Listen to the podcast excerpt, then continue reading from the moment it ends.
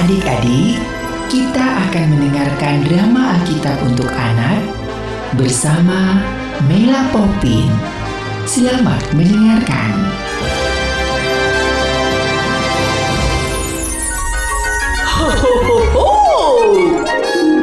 Halo adik-adik yang manis.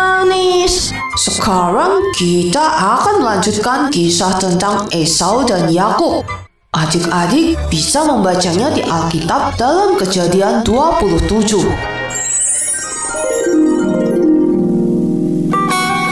Ketika Ishak sudah tua dan matanya telah kabur, sehingga ia tidak dapat melihat lagi, dipanggilnya lah Esau anak sulungnya. Ada apa ayah memanggil saya? Esau, lihat, aku sudah tua. Aku tidak tahu bila hari kematianku. Maka sekarang, ambillah senjatamu, tabung panah dan busurmu. Pergilah ke padang dan burulah bagiku seekor binatang.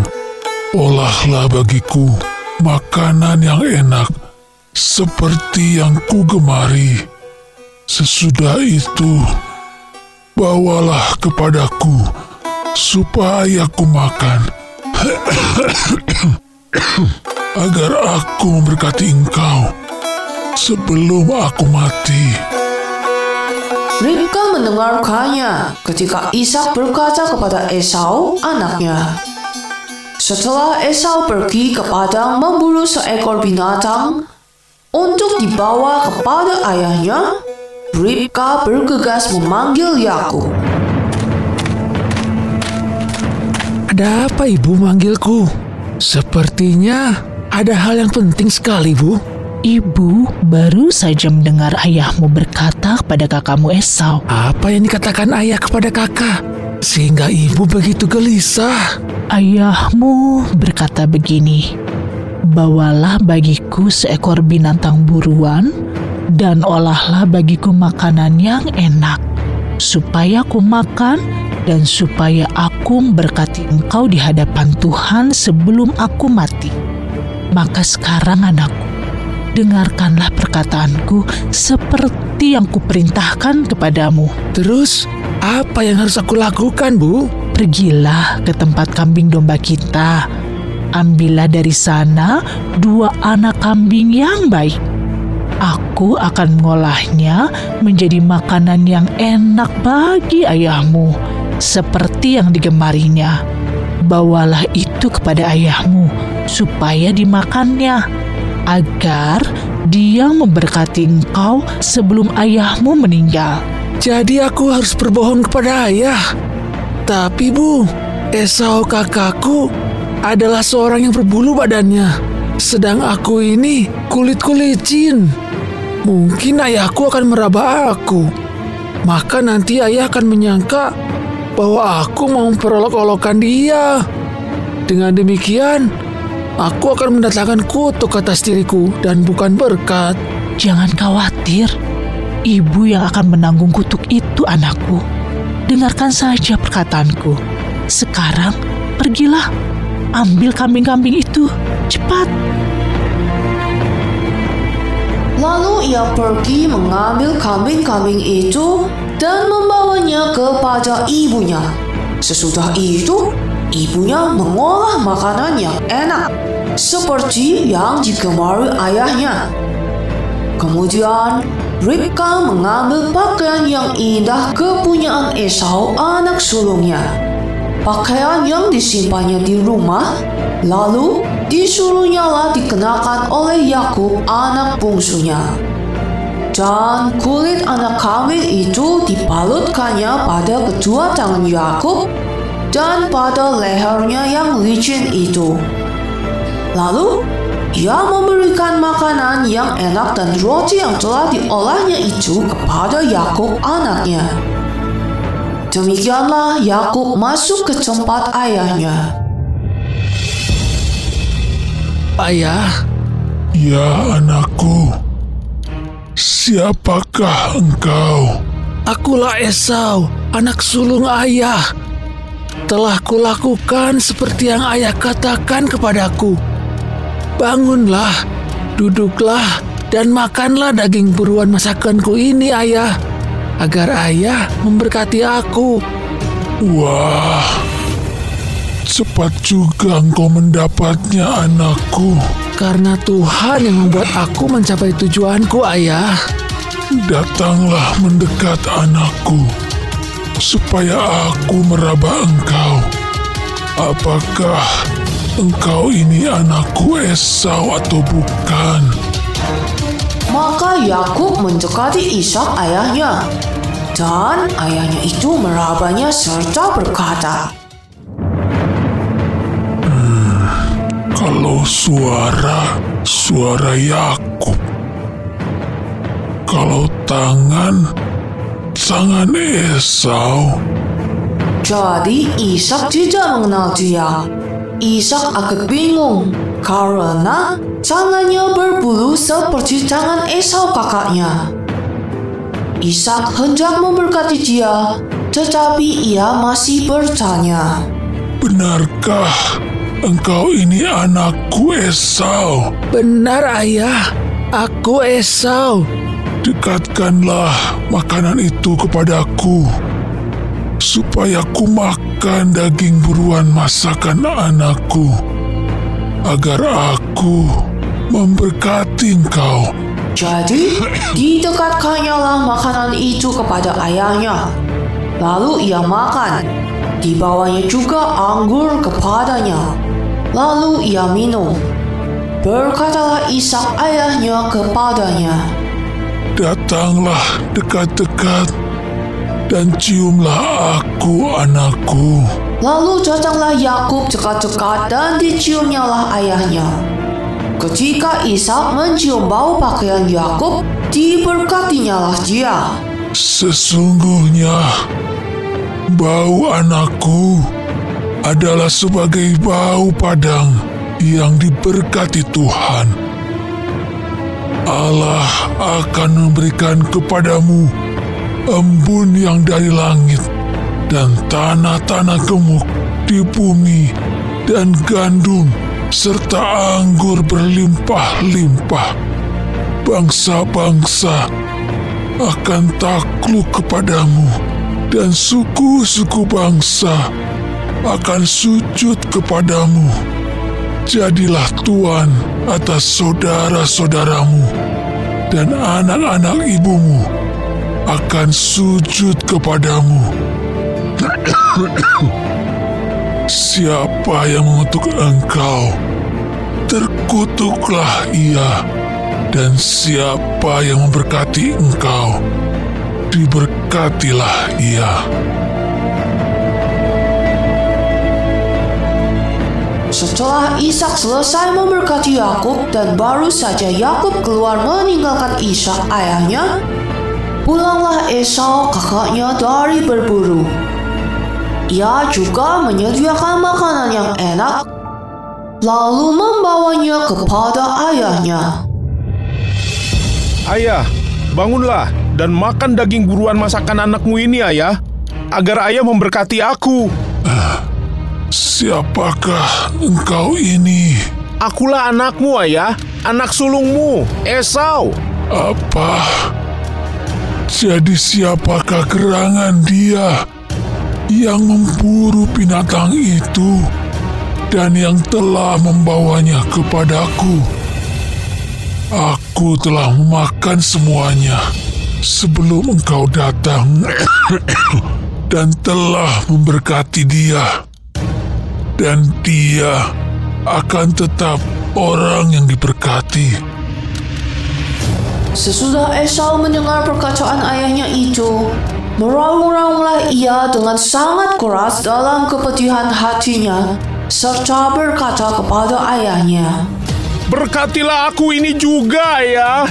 Adikmu telah datang dengan tipu daya dan telah merampas berkat yang untukmu itu.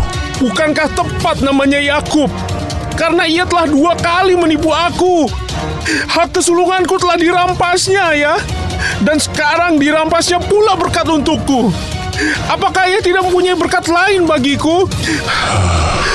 Sesungguhnya telah kuangkat dia menjadi tuan atas engkau dan segala saudaranya telah kuberikan kepadanya menjadi hambanya dan telah kubekali dia dengan gandum dan anggur maka kepadamu apalagi yang dapat kuperbuat ya anakku Hanya berkat satu itukah ada padamu, ayah? Berkati aku ini juga, ya. Dan dengan suara keras menangislah Esau. Lalu Ishak ayahnya menjawabnya. Sesungguhnya tempat kediamanmu akan jauh dari tanah-tanah gemuk di bumi dan jauh dari embun dari langit di atas. Engkau akan hidup dari pedangmu dan engkau akan menjadi hamba adikmu.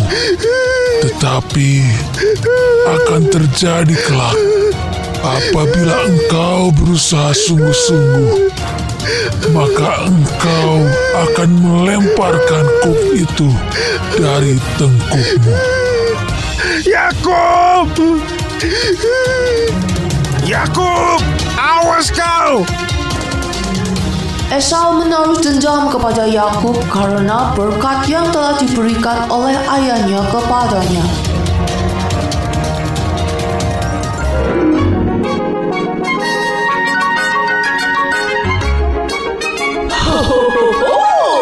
Hmm, seru ya adik-adik kisahnya.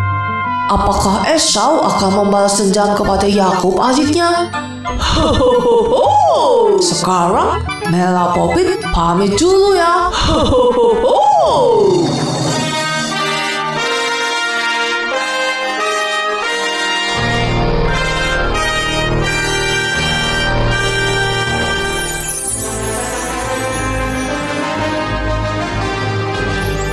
Demikianlah cerita Alkitab untuk anak. Ikuti terus kisah-kisah Alkitab lainnya hanya di Radio Maestro.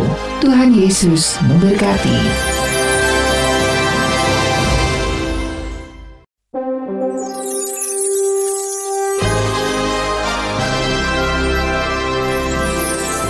Adik-adik, kita akan mendengarkan drama Alkitab untuk anak bersama Mela Popin.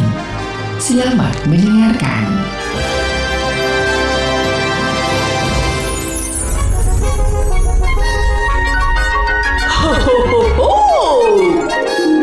Halo adik-adik yang manis. Esau menjadi marah sekali kepada Yakub karena telah dua kali menipunya.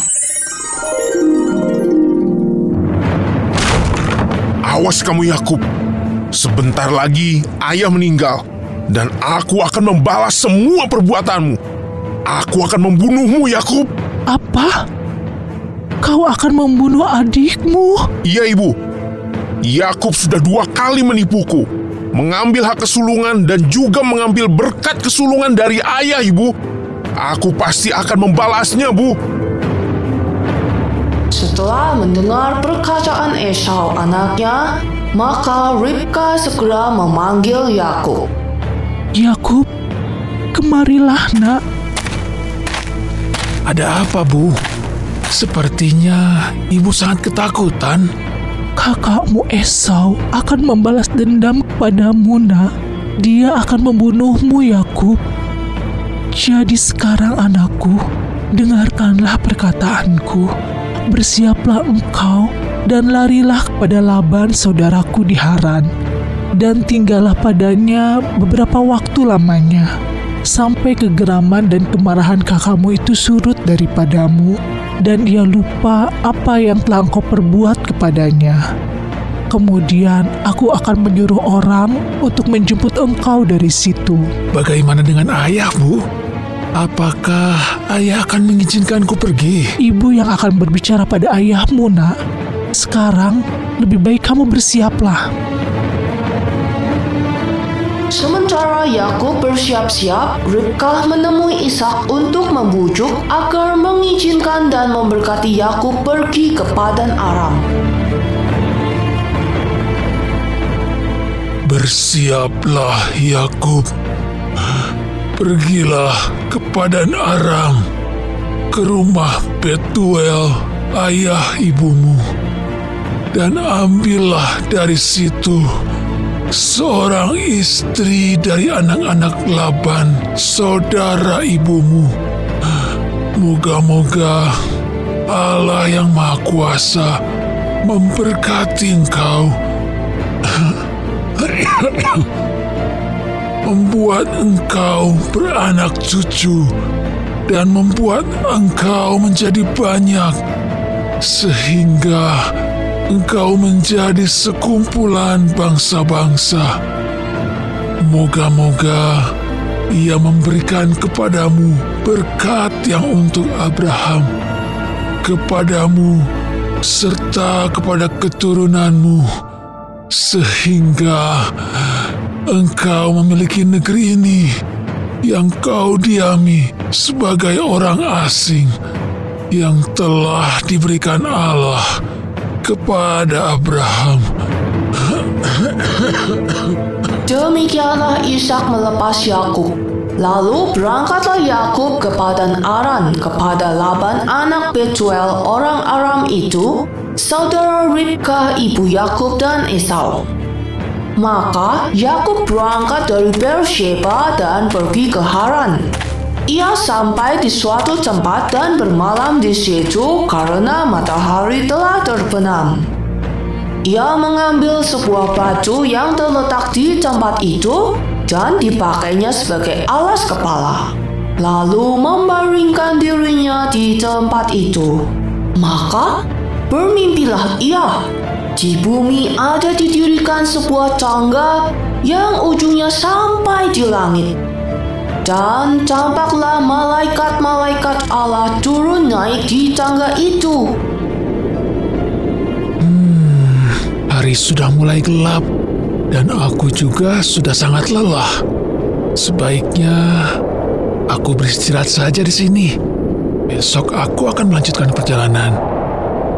Oh.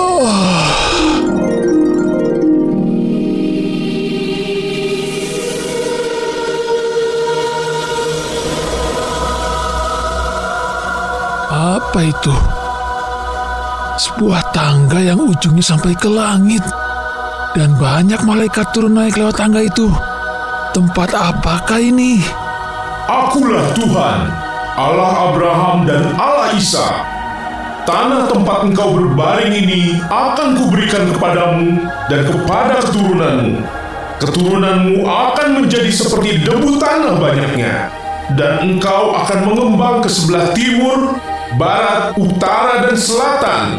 Dan olehmu serta keturunanmu, semua kaum di muka bumi akan mendapat berkat. Sesungguhnya aku menyertai engkau, dan aku akan melindungi engkau ke mana pun engkau pergi, dan aku akan membawa engkau kembali ke negeri ini. Sebab aku tidak akan meninggalkan engkau, melainkan tetap melakukan apa yang kujanjikan kepadamu. Ternyata aku bermimpi. Ya Tuhan, sesungguhnya Tuhan ada di tempat ini, dan aku tidak mengetahuinya. Alangkah dahsyatnya tempat ini. Ini tidak lain dari rumah Allah. Ini pintu gerbang surga. Jika Allah akan menyertai dan akan melindungi aku di jalan yang kutempuh ini, memberikan kepadaku roti untuk dimakan dan pakaian untuk dipakai, sehingga aku selamat kembali ke rumah ayahku, maka Tuhan akan menjadi Allahku, dan batu yang kudirikan sebagai tugu ini akan menjadi rumah Allah. Dari segala sesuatu yang kau berikan kepadaku, akan selalu kupersembahkan sepersepuluh kepadamu. Keesokan harinya, pagi-pagi Yakub mengambil baju yang dipakainya sebagai alas kepala dan mendirikan itu menjadi tugu dan menuang minyak ke atasnya. Ia menamai tempat itu Betel. Dahulu nama kota itu Luz. Kemudian berangkatlah Yakub dari situ dan pergi ke negeri Bani Timur. Ketika ia memandang sekelilingnya, dilihatnya ada sebuah sumur di padang dan ada tiga kumpulan kambing domba berbaring di dekatnya. Sebab dari sumur itulah orang memberi minum kumpulan-kumpulan kambing domba itu. Adapun batu penutup sumur itu besar. Dan apabila segala kumpulan kambing domba itu digiring berkumpul ke sana, maka gembala-gembala menggulingkan batu itu dari mulut sumur, lalu kambing domba itu diberi minum, kemudian dikembalikanlah batu itu lagi ke mulut sumur itu. Kambing-kambing siapa itu ya? Oh iya, itu sepertinya para gembala. Aku akan ke sana. Permisi, saudara-saudara. Dari manakah kalian berasal? Kami dari Haran, Tuan. Haran? Apakah kalian kenal dengan Laban cucu Nahor? Oh ya? Tentu saja kami mengenalnya. Apakah beliau sehat dan baik-baik saja? Dia baik-baik saja. Lihat, itu putri Tuan Laban. Anda bisa menanyakannya langsung, Tuan. Hohoho! Ternyata pucuk dicinta ulam tiba. Setelah melakukan perjalanan yang sangat jauh, akhirnya Yakub sampai di Haran, tempat Laban pamannya tinggal. Dan saat itu pula putri Laban juga sedang mengembalakan kambing. Hmm, kira-kira apa yang terjadi selanjutnya ya?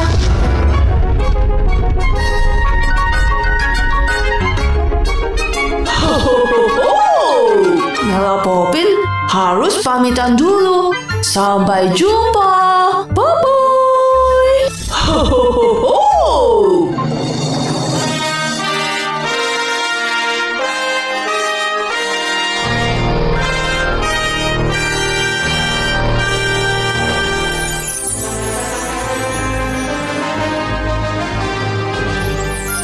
Demikianlah cerita Alkitab untuk anak. Ikuti terus kisah-kisah Alkitab lainnya hanya di Radio Maestro. Tuhan Yesus memberkati.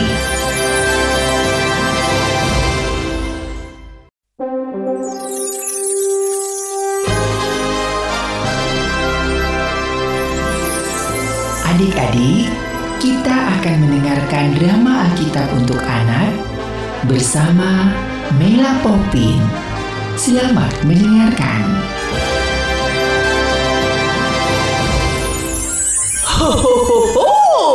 Baiklah, sekarang kita akan melanjutkan kisah tentang Esau dan Yakub yang pindah bersama keluarga mereka ke negeri Filistin.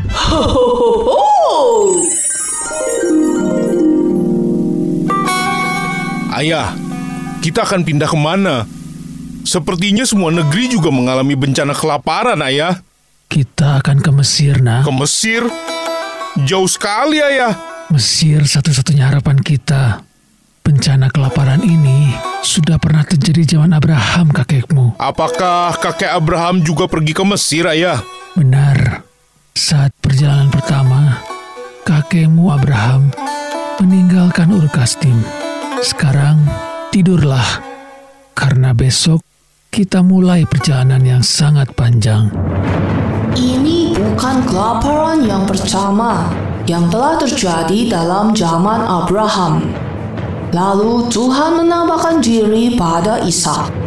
Janganlah pergi ke Mesir. Diamlah di negeri yang kukatakan kepadamu. Tinggallah di negeri ini sebagai orang asing. Maka aku akan menyertai engkau dan memberkati engkau. Sebab kepadamulah dan kepada keturunanmu akan kuberikan seluruh negeri ini. Dan aku akan menepati sumpah yang telah kuikrarkan kepada Abraham, ayahmu. Aku akan membuat banyak keturunanmu seperti bintang di langit. Aku akan memberikan kepada keturunanmu seluruh negeri ini. Dan oleh keturunanmu, semua bangsa di bumi akan mendapat berkat. Karena Abraham telah mendengarkan firmanku dan memelihara kewajibannya kepadaku, yaitu segala perintah, ketetapan, dan hukumku. Ke Gerar, negeri orang Filistin, negeri yang pernah ditinggali ayah. Tapi, apakah tidak berbahaya? Jangan-jangan penduduk dan raja di sana akan suka dengan istriku Ribkah dan mereka akan membunuhku. Hmm, ya, aku ada ide. Aku akan mengatakan kalau Ribkah adalah saudaraku. Jadi, aku dan Ribkah akan aman.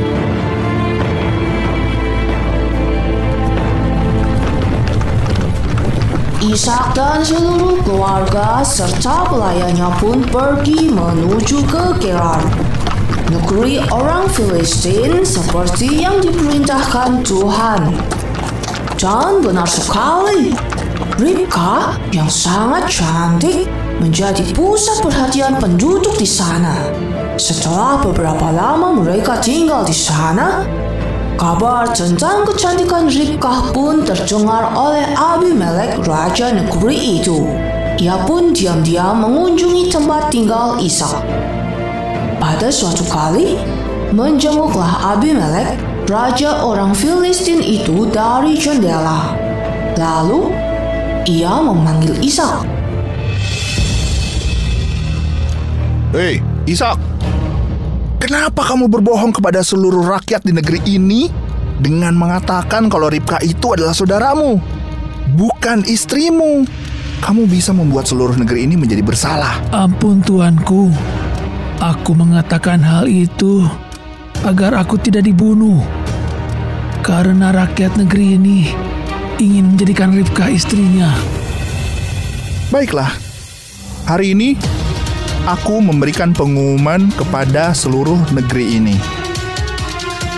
Siapa pun yang mengganggu Ishak dan istrinya akan dihukum mati. Maka menaburlah Ishak di tanah itu, dan dalam tahun itu juga ia mendapat hasil seratus kali lipat. Sebab ia diberkati Tuhan, dan Ishak menjadi sangat kaya. Ia mempunyai kumpulan kambing domba dan lembu sapi, serta banyak anak buah. Sehingga orang Filistin itu cemburu kepadanya. Segala sumur yang digali dalam zaman Abraham ayahnya oleh hamba-hamba ayahnya itu telah ditutup oleh orang Filistin dan ditimbun dengan tanah. Ishak, sekarang kamu sudah menjadi orang yang sangat kaya raya. Aku tidak ingin terjadi sesuatu yang buruk dengan rakyat di negeri ini. Jadi, pergilah dari sini. Jadi pergilah Ishak dari situ dan berkemahlah ia di lembah Gerar. Ia menetap di situ. Kemudian Ishak menggali kembali sumur-sumur yang digali dalam zaman Abraham ayahnya dan yang telah ditutup oleh orang Filistin sesudah Abraham mati. Disebutkannya nama sumur-sumur itu menurut nama-nama yang telah diberikan oleh ayahnya. Ketika hamba-hamba Ishak menggali di lembah itu, mereka mendapati di situ mata air yang berbual-bual airnya. Lalu bertengkarlah para gembala Gerar dengan para gembala Ishak. Dan Ishak menamai sumur itu Esek karena mereka bertengkar dengan dia di sana. Kemudian mereka menggali sumur lain dan mereka bertengkar juga tentang itu. Maka Ishak menamai sumur itu Sitna. Ia pindah dari situ dan menggali sumur yang lain lagi. Tetapi tentang sumur ini mereka tidak bertengkar. Sumur ini dinamainya Rehobot. Sekarang Tuhan telah memberikan kelonggaran kepada kita sehingga kita dapat beranak cucu di negeri ini. Dari situ ia pergi ke Beersheba. Lalu pada malam itu Tuhan menampakkan diri kepadanya serta berfirman, Akulah Allah ayahmu, Abraham. Janganlah takut, sebab aku menyertai engkau. Aku akan memberkati engkau dan membuat banyak keturunanmu karena Abraham, hambaku itu. Sesudah itu, Ishak mendirikan mesbah di situ dan memanggil nama Tuhan. Ia memasang kemahnya di situ. Lalu hamba-hambanya menggali sumur di situ. Datanglah Abimelek dari Gerar mendapatkannya. Bersama-sama dengan Ahuzat sahabatnya dan Pikol kepala pasukannya. Ada apakah tuanku kemari? Bukankah Tuhan membenci kami dan mengusir kami dari negeri Tuhan? Apalagi yang Tuhan inginkan? Kami telah melihat sendiri bahwa Tuhan menyertai engkau. Sebab itu kami ingin mengadakan sumpah setia antara kami dan engkau. Dan baiklah kami mengikat perjanjian dengan engkau, bahwa engkau tidak akan berbuat jahat kepada kami, seperti kami tidak mengganggu engkau, dan seperti kami semata-mata berbuat baik kepadamu dan memberikan engkau pergi dengan damai. Bukankah engkau sekarang yang diberkati Tuhan? Kemudian Ishak mengadakan perjamuan bagi mereka. Mereka lalu makan dan minum. Keesokan harinya, pagi-pagi mereka membuat perjanjian. Kemudian Ishak melepas mereka dan mereka meninggalkan dia dengan damai. Pada hari itu, datanglah hamba-hamba Ishak memberitahukan kepadanya tentang sumur-sumur yang telah digali mereka. Lalu dinamainya lah sumur itu Sheba. Sebab itu, nama kota itu adalah Beersheba sampai sekarang.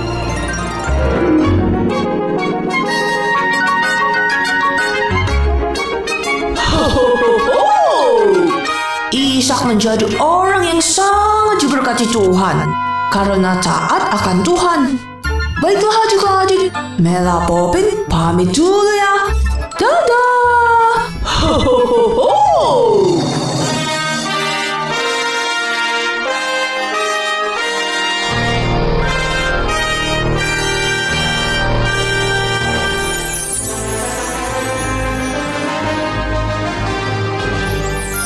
Demikianlah cerita Alkitab untuk anak. Ikuti terus kisah-kisah Alkitab lainnya hanya di Radio Maestro. Tuhan Yesus memberkati.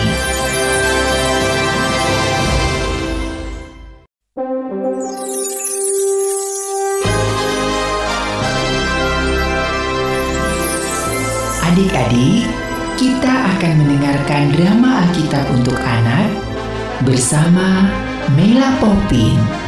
Selamat mendengarkan.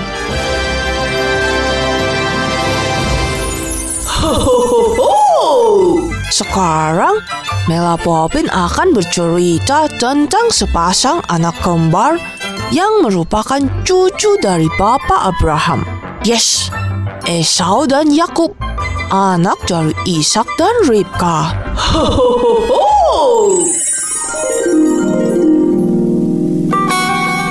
Setelah Ishak berumur 40 tahun, dia menikah dengan Ribka, anak Betuel, orang Aram dari Padan Aram.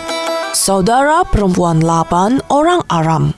Hampir 20 tahun Ishak dan Ribka belum diberikan anak.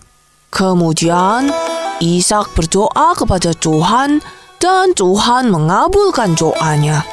Hingga pada umur 60 tahun, Ishak mendapatkan sepasang anak kembar.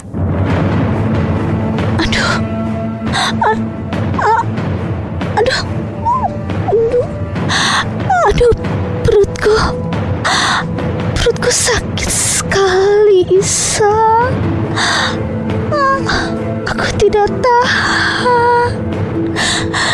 Ah, Lebih baik aku mati saja. Ah, ah, ah.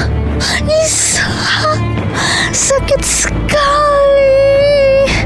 Ah, Tenanglah.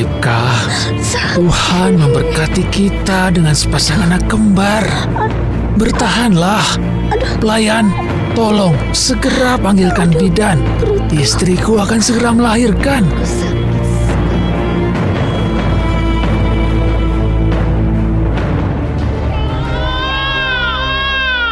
Ini anak kita yang pertama, Ripka. Aku memberinya nama Esau. Esau, Iya, Esau. Karena kulitnya berwarna merah dan seluruh tubuhnya seperti jubah berbulu. Dan yang ini adiknya, Yakub. Yakub. Eh, kenapa namanya Yakub? Saat lahir, dia memegang tumit kakaknya, Esau.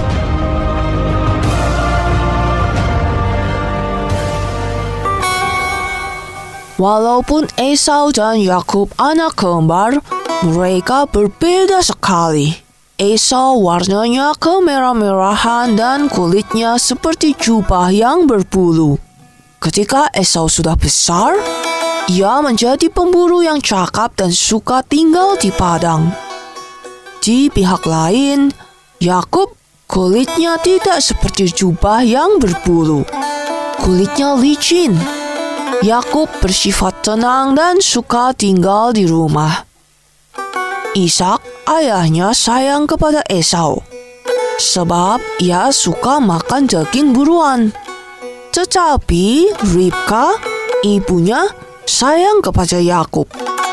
Pada suatu kali, Yakub sedang memasak sesuatu. Lalu, datanglah Esau dengan lelah dari padang. Kurang apa ya? Oh, aku hampir lupa. Belum diberi garam. hmm, sudah sempurna. Sangat enak. Ibu dan ayah pasti suka. Sedap sekali bu masakanmu. Sepertinya enak sekali aku. Kebetulan aku sangat lapar. Bolehkah aku minta sedikit sup kacang merah itu? Ini kan untuk ayah dan ibu. Ayolah Yakub, sedikit saja. Aku sudah hampir mati kelaparan ini. Boleh. Aku akan memberimu semangkok sup kacang merah ini. Nah, gitu dong. Itu baru adikku. Tapi ada syaratnya. Syarat? Hmm, tidak masalah. Katakan cepat. Apa syaratnya? Aku sudah lapar ini. Jualah hak kesulunganmu kepadaku. Hak kesulungan? Yakub, Yakub. Aku kira apa? Itu mah kecil. Baiklah, kamu boleh mengambil hak kesulunganku. Berjanjilah dan bersumpahlah untuk menjual hak kesulunganmu. Iya, iya. Dengar baik-baik. Hari ini aku Esau berjanji dan bersumpah memberikan hak kesulunganku kepada Yakub adikku. Sudah cukup? Sini sini cepat, berikan sup itu. Aku sangat lapar sekali. Maka bersumpahlah Esau kepada Yakub dan dijualnyalah hak kesulungannya kepadanya. Lalu Yakub memberikan roti dan masakan kacang merah itu kepada Esau. Ia makan dan minum, lalu berdiri dan pergi. Demikianlah Esau memandang ringan hak kesulungan itu.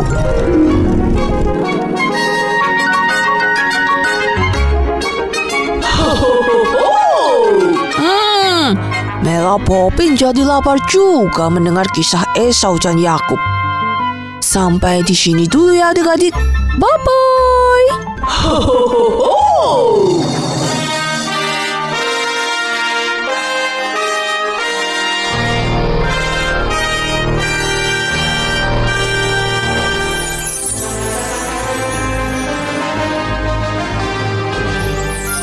Demikianlah cerita Alkitab untuk anak. Ikuti terus kisah-kisah Alkitab lainnya hanya di Radio Maestro. Tuhan Yesus memberkati.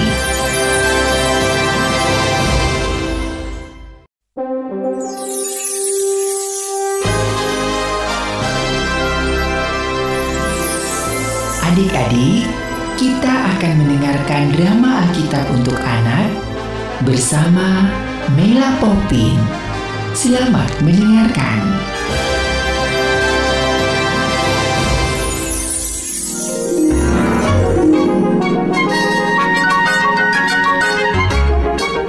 Nah, pada usia 250 tahun, ayah Abraham meninggal dunia dan dikubur di Haran. Waktu itu umur Abraham 75 tahun. Tuhan kembali berbicara kepada Abraham untuk beranjak menuju tanah atau negeri Kanaan. Pergilah dari negerimu dan dari sanak saudaramu dan dari rumah bapamu ini ke negeri yang akan kutunjukkan kepadamu. Aku akan membuat engkau menjadi bangsa yang sah dan memberkati engkau serta membuat namamu masyur dan engkau akan menjadi berkat. Aku akan memberkati orang-orang yang memberkati engkau dan mengutuk orang-orang yang mengutuk engkau.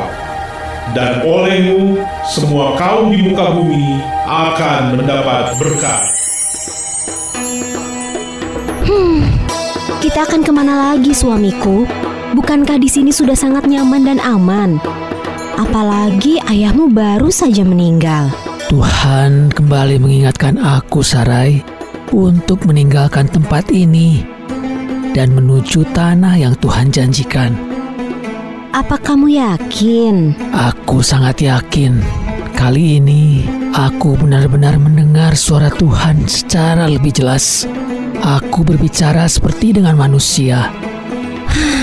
Baiklah, Abram, aku percaya. Lalu kita akan pergi ke mana lagi? Kita akan menuju pegunungan timur dekat Betel dan Ai. Kita akan menetap di sana untuk sementara. Untuk sementara? Benar. Sampai Tuhan menunjukkan tanah yang ia janjikan itu. Mungkin kita akan ke tanah Negeb. Tanah Negeb? Bukankah itu sangat jauh, Abram?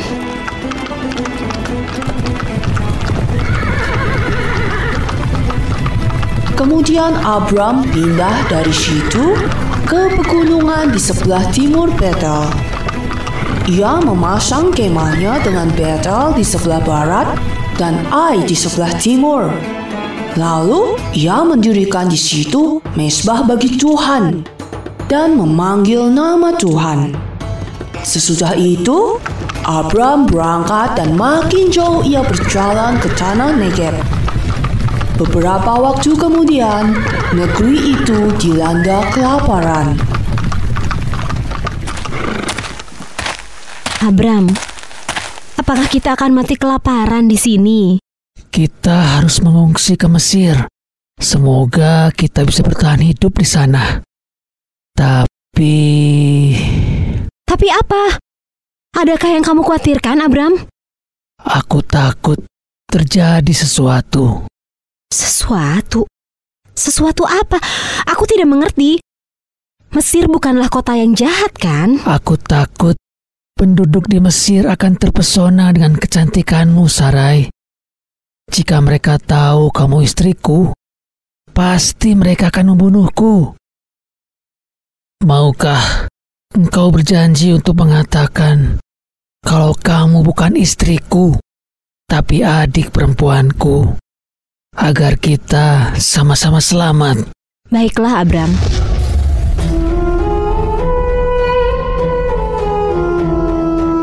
Sesudah Abram masuk ke Mesir, orang Mesir itu melihat bahwa perempuan itu sangat cantik.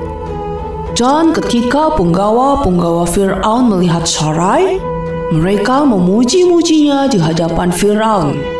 Sehingga perempuan itu dibawa ke istananya. Selamat datang di Mesir, Abram. oh iya, siapa wanita cantik yang datang bersamamu? Dia adalah adik hamba, Tuan. Sarai namanya. Sangat cantik. Aku sangat senang atas kehadiranmu di Mesir ini, Abram. Sebagai hadiahnya, aku akan memberimu tanah, ternak, dan para budak untukmu. Terima kasih atas kebaikan paduka pada hamba. Aku yang harus berterima kasih karena sudah mempertemukan dengan wanita cantik ini. Kamu pantas mendapat semua itu, Abram. Bolehkah adikmu yang cantik jelita menjadi istriku? Beri saya waktu untuk membicarakannya, Tuan.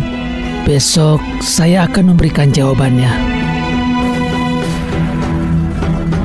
Dengan berat hati, akhirnya Sarai pun meninggalkan Abram untuk tinggal dan menjadi istri Firaun. Namun, Tuhan menimpakan tulah yang hebat kepada Firaun dan seluruh istananya. Abram, apa yang kau lakukan padaku?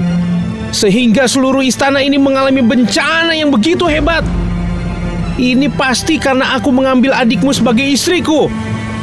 Apakah ia benar adikmu, Abram? Ampun Tuhan. Ampun Tuhan. Sarai adalah istri hamba.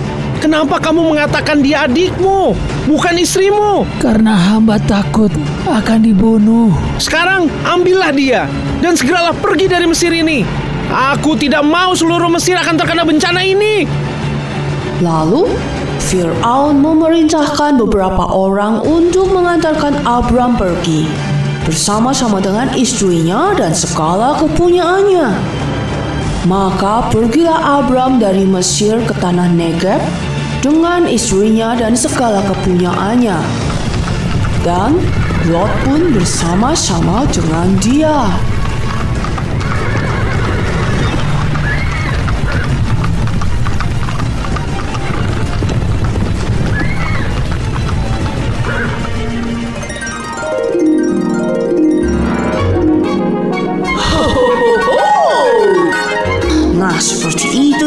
Adik-adik cerita kita hari ini. Kita akan lanjutkan minggu depan. Mela Popin, permisi dulu ya. Eh, oh ya, jangan lupa untuk rajin belajar dan membaca firman Tuhan ya. Ho, ho, ho, ho.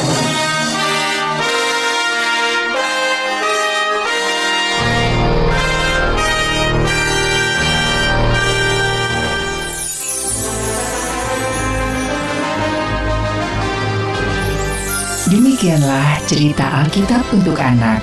Ikuti terus kisah-kisah Alkitab lainnya hanya di Radio Maestro. Tuhan Yesus memberkati.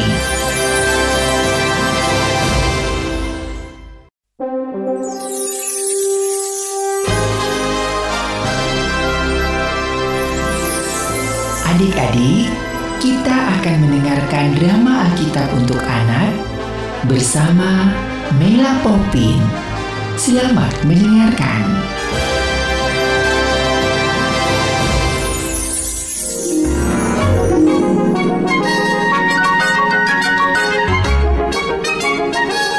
Kemarin kita sudah mendengar cerita tentang Abraham di tanah Mesir yang diambil dari kejadian 12. Kali ini kita lanjut dengan kejadian 13. Setelah dari Mesir, Abraham kembali ke tanah Negeb.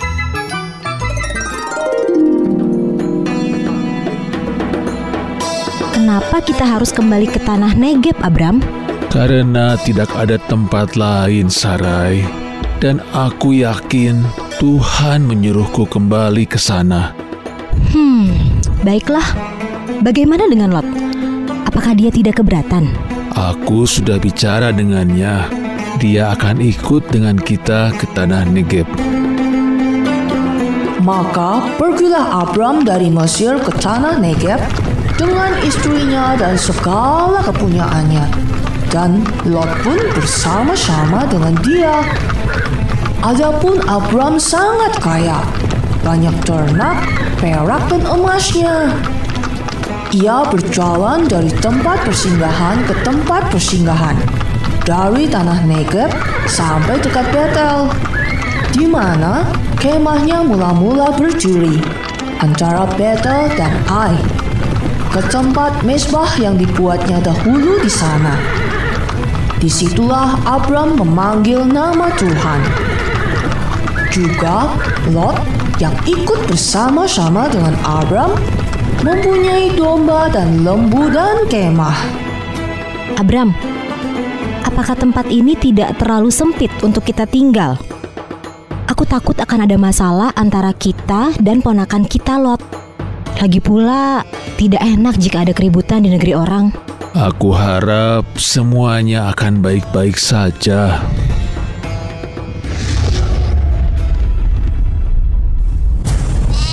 Ini punya kami. Kami duluan yang menemukan tempat ini. Tidak bisa. Ini berada di wilayah saya. Kalian yang harus cari air dan rumput di tempat lain. Tidak bisa. Tuan Lot yang menyuruh kita di sini. Tuan Abraham yang lebih berhak. Jadi kalian yang harus pergi. Tidak bisa. Kalian saja yang pergi.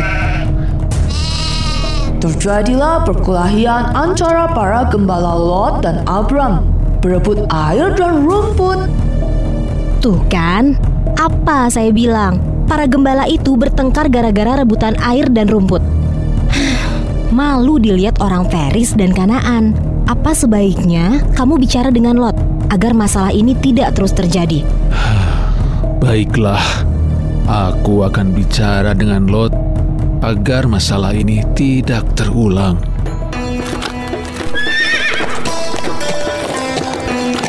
Lot, sebelumnya Paman minta maaf.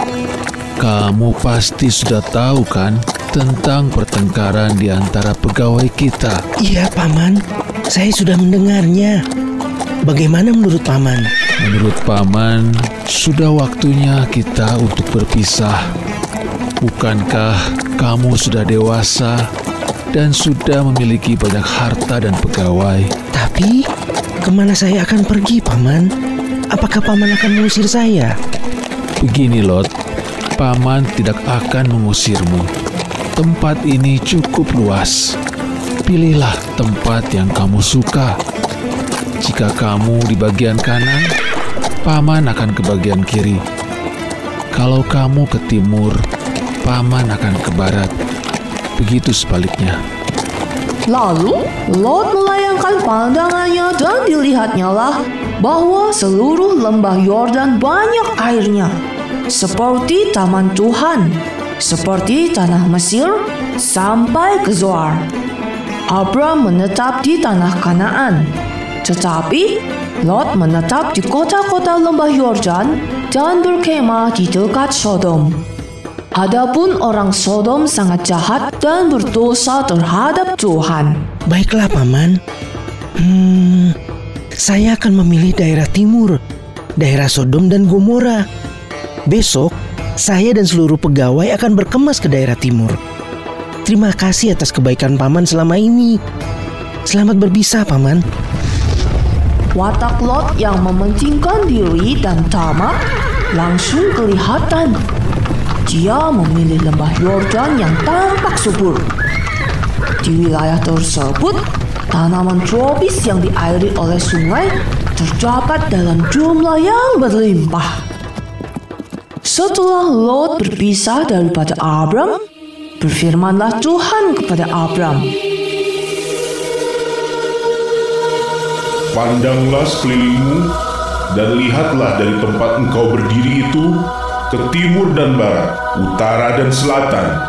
Sebab seluruh negeri yang kau lihat itu akan kuberikan kepadamu dan kepada keturunanmu untuk selama-lamanya. Dan aku akan menjadikan keturunanmu seperti debu tanah banyaknya. Sehingga jika seandainya ada yang dapat menghitung debu tanah, keturunanmu pun akan dapat dihitung juga. Bersiaplah, jalanilah negeri itu menurut panjang dan lebarnya, sebab kepadamulah akan kuberikan negeri itu.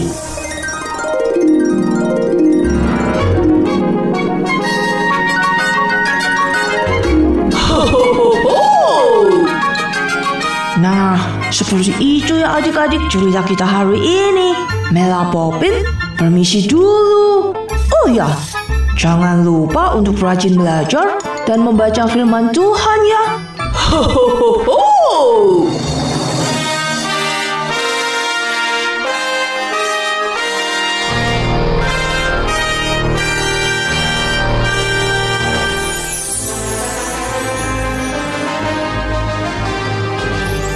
Demikianlah cerita Alkitab untuk anak. Ikuti terus kisah-kisah Alkitab lainnya hanya di Radio Maestro. Tuhan Yesus memberkati.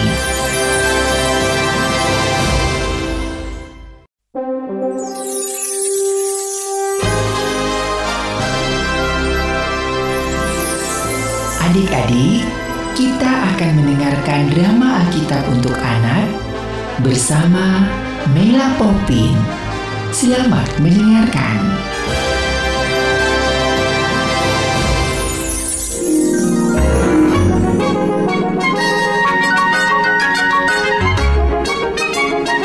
Pada zaman Amrafel Raja Senior, Aryok Raja Elasar, Kedor Laumer Raja Elam, dan Tidal Raja Goyim, terjadilah bahwa raja-raja ini berperang melawan Bera, Raja Sodom, Birsha, Raja Gomora, Shinab, Raja Atma, Shemeber, Raja Zeboim, dan Raja Negeri Bela, yakni Negeri Zoar. Raja-raja yang disebut terakhir ini semuanya bersekutu dan datang ke lembah Sidim, yakni Laut Asin. Kerajaan-kerajaan kecil yang sudah kita taklukkan selama 12 tahun Sepertinya mereka sedang mengadakan pemberontakan, tuanku. Tahun ini, tahun ke-13, dan mereka semakin giat melakukan pemberontakan. Apa yang harus kita lakukan, tuanku? Hmm, sepertinya mereka harus dikasih pelajaran. Persiapkan semua sekutu dan pasukan. Tahun depan, tahun ke-14, aku sendiri yang akan memimpin penumpasan pemberontakan. Baik, tuanku. 12 tahun lamanya, mereka takluk kepada Kedor Laumer. Tetapi, dalam tahun yang ke-13, mereka memberontak. Dalam tahun yang ke-14, datanglah Kedor Laumer serta raja-raja yang bersama-sama dengan dia. Lalu, mereka mengalahkan orang-orang Refaim dari Asiterot Karnaim, orang Zuzim di Ham, orang Emim di Syawe Kiryataim, dan orang Hori di pegunungan mereka yang bernama Seir, sampai ke El Paran di padang gurun. Tak terkecuali Sodom dan Gomora pun dikalahkannya, sehingga seluruh penduduknya ditawan, termasuk Lot keponakan Abram.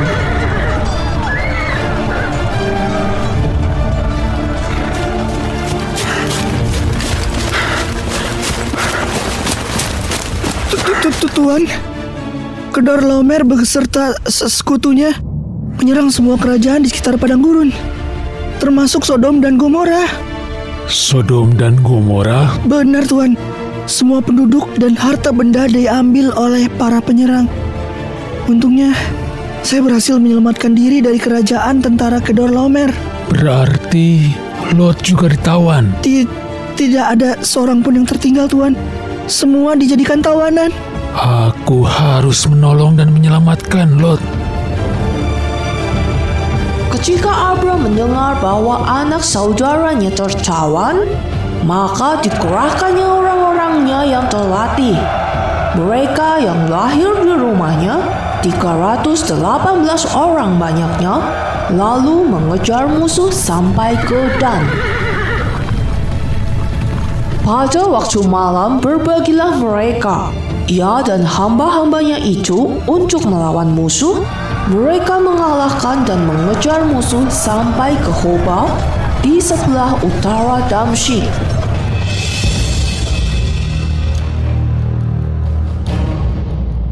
Kita akan membagi beberapa kelompok.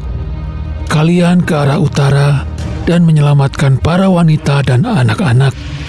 Kelompok satunya ke arah barat untuk mengambil kembali harta jarahan. Aku dan kelompok satunya akan menghadang pasukan utama.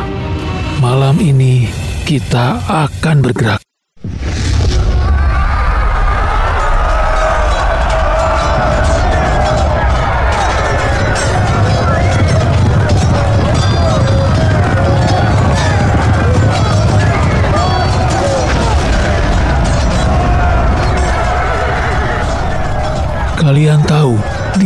Charlotte ditawan.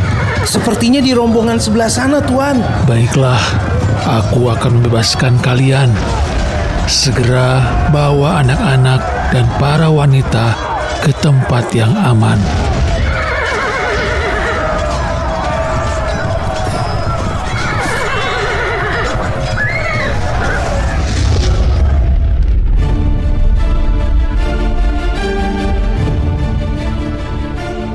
Paman, Paman Abram.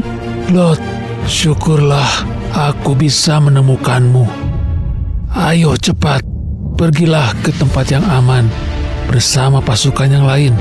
Aku akan menyusul kalian. Terima kasih, Paman. Abram berhasil menyelamatkan Lot keponakannya. Dibawanya lah kembali skora harta benda itu. Lalu, Lot anak saudaranya itu serta harta bendanya dibawanya kembali.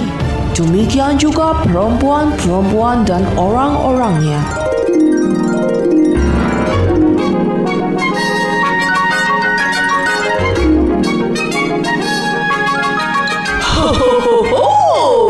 Nah, seperti itu ya adik-adik cerita kita hari ini.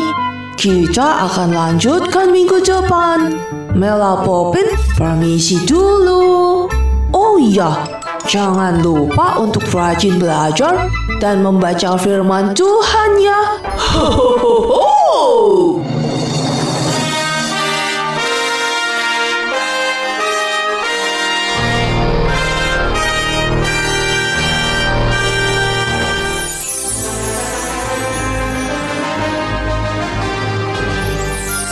Demikianlah cerita Alkitab untuk anak. Ikuti terus kisah-kisah Alkitab lainnya hanya di Radio Maestro. Tuhan Yesus memberkati.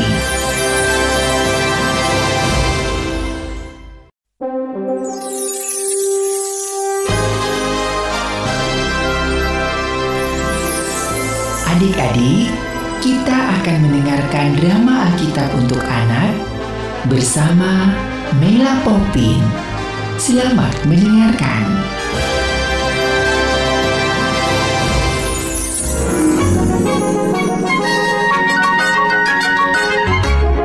Setelah Abram kembali dari mengalahkan Kedorlaomer dan para raja yang bersama-sama dengan dia, maka keluarlah Raja Sodom menyongsong dia ke lembah Syawe, yakni lembah raja. Terima kasih Paman Abram sudah menyelamatkan saya dan keluarga dari tawanan para raja timur. Ternyata Paman masih memperdulikan saya. Lot, kamu sudah kuanggap seperti anakku sendiri. Lagi pula, ini adalah tanggung jawab Paman, jadi tidak perlu berterima kasih. Rapikan bajumu, kita sepertinya kedatangan tamu. Siap, Paman. Melkisedek Raja Salem membawa roti dan anggur. Ia seorang imam Allah yang maha tinggi. Lalu ia memberkati Abram. Diberkatilah kiranya Abram oleh Allah yang maha tinggi, pencipta langit dan bumi. Dan terpujilah Allah yang maha tinggi, yang telah menyerahkan musuhmu ke tanganmu. Lalu Abram memberikan kepadanya sepersepuluh dari semuanya. Berkatalah Raja Sodom itu kepada Abram, Berikanlah kepadaku orang-orang itu, dan ambillah untukmu harta benda itu. Tetapi kata Abram kepada Raja negeri Sodom itu,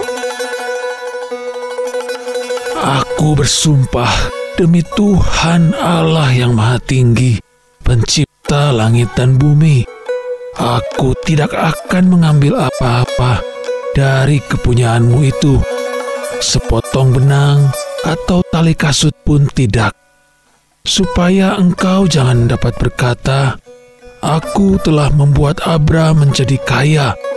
Kalau aku, jangan sekali-kali hanya apa yang telah dimakan oleh bujang-bujang ini dan juga bagian orang-orang yang pergi bersama-sama dengan aku, yakni Aner, Eskol, dan Mamre, biarlah mereka itu mengambil bagiannya masing-masing. Setelah itu Melkisedek pun meninggalkan Abram. Kemudian datanglah firman Tuhan kepada Abram dalam suatu penglihatan.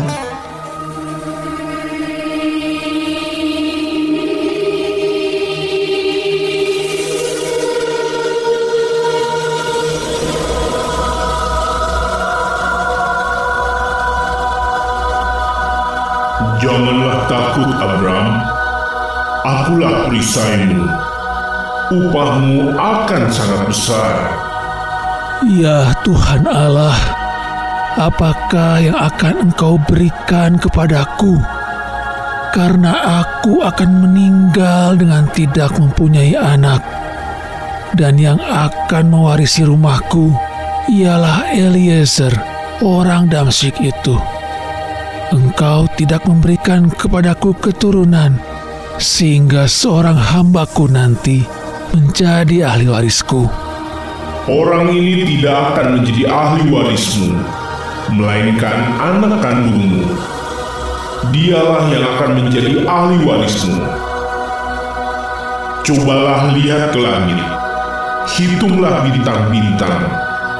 Jika engkau dapat menghitungnya, demikianlah banyaknya nanti keturunanmu. Lalu percayalah Abram kepada Tuhan. Maka Tuhan memperhitungkan hal itu kepadanya sebagai kebenaran. Lagi firman Tuhan kepada Abram, Akulah Tuhan yang membawa engkau keluar dari Ur Kasdim untuk memberikan negeri ini kepadamu menjadi milikmu. Ya Tuhan Allah, dari manakah aku tahu bahwa aku akan memilikinya?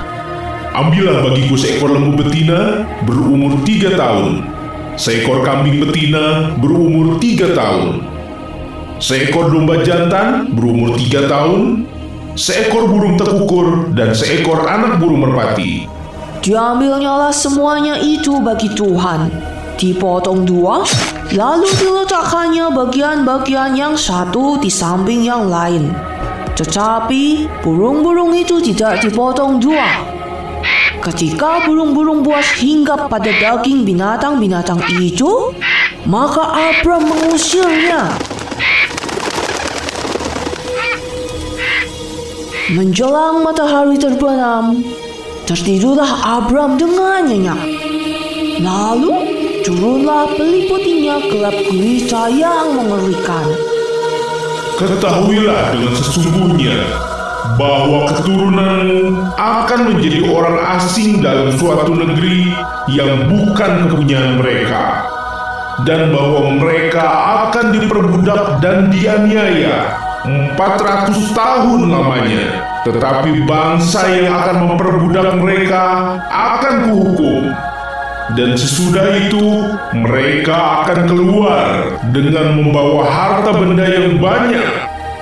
Tetapi engkau akan pergi kepada nenek moyangmu dengan sejahtera. Engkau akan dikubur pada waktu telah putih rambutmu. Tetapi keturunan yang keempat akan kembali ke sini Sebab sebelum itu kedurjanaan orang Amori itu belum genap. Ketika matahari telah terbenam dan hari telah menjadi gelap, maka kelihatanlah perapian yang berasap serta suluh yang berapi lewat di antara potongan-potongan daging itu. Pada hari itulah Tuhan mengadakan perjanjian dengan Abram serta berfirman, Kepada keturunanmu lah kuberikan negeri ini, mulai dari sungai Mesir sampai ke sungai besar itu, sungai Efrat, yakni tanah orang Keni, orang Kenas, orang Katmon, orang Het, orang Feris, orang Refaim, orang Amori, orang Kanaan, orang Girgasi, dan orang Yebus itu.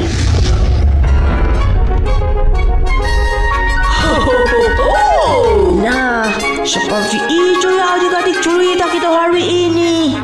Tuhan tidak akan pernah lupa akan janjinya. Dan Tuhan pasti akan menepatinya. Jadi, kita harus yakin dan percaya ya adik-adik akan semua janji Tuhan. Makanya, rajin baca Alkitab ya. Kita akan lanjutkan minggu depan. Mela Popin, Permisi dulu. Oh ya, jangan lupa untuk rajin belajar dan membaca firman Tuhan ya.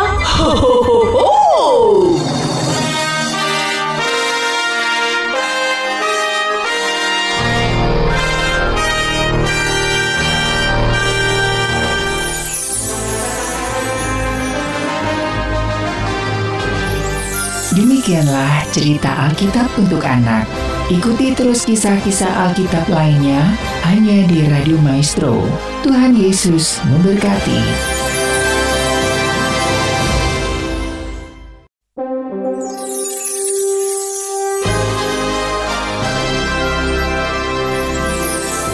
Adik-adik, kita akan mendengarkan drama Alkitab untuk anak bersama Mela Popin. Selamat mendengarkan.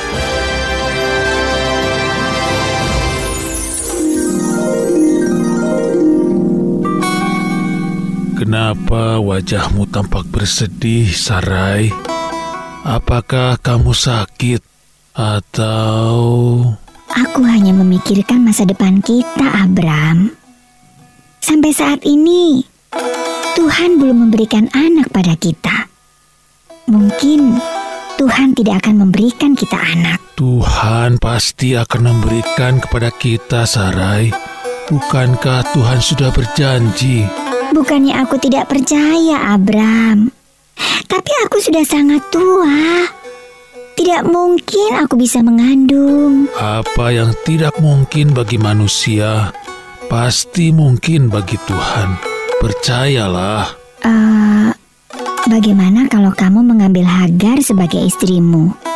Dan mungkin bisa memberikan kita keturunan. Tapi Tuhan sudah berjanji, Sarai. Ya, tidak ada salahnya kan kita berusaha, Abram. Baiklah, jika itu yang kamu inginkan.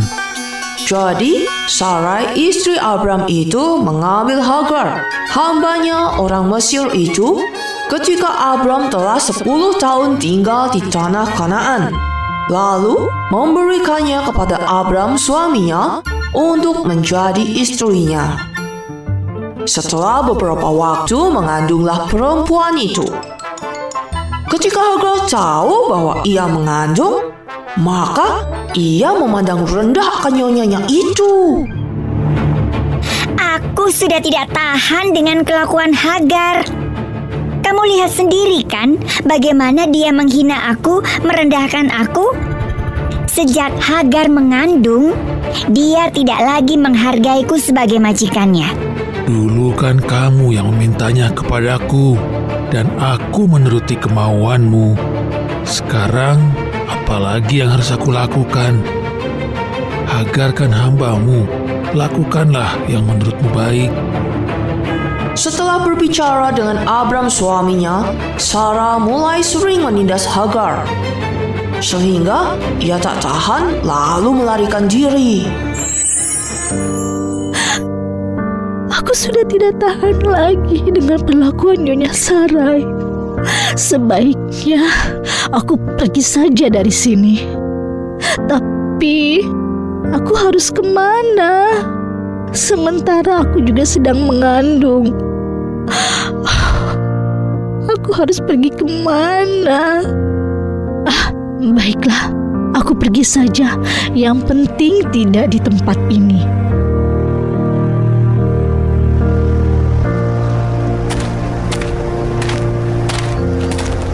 Aduh, ke mana aku mendapatkan air?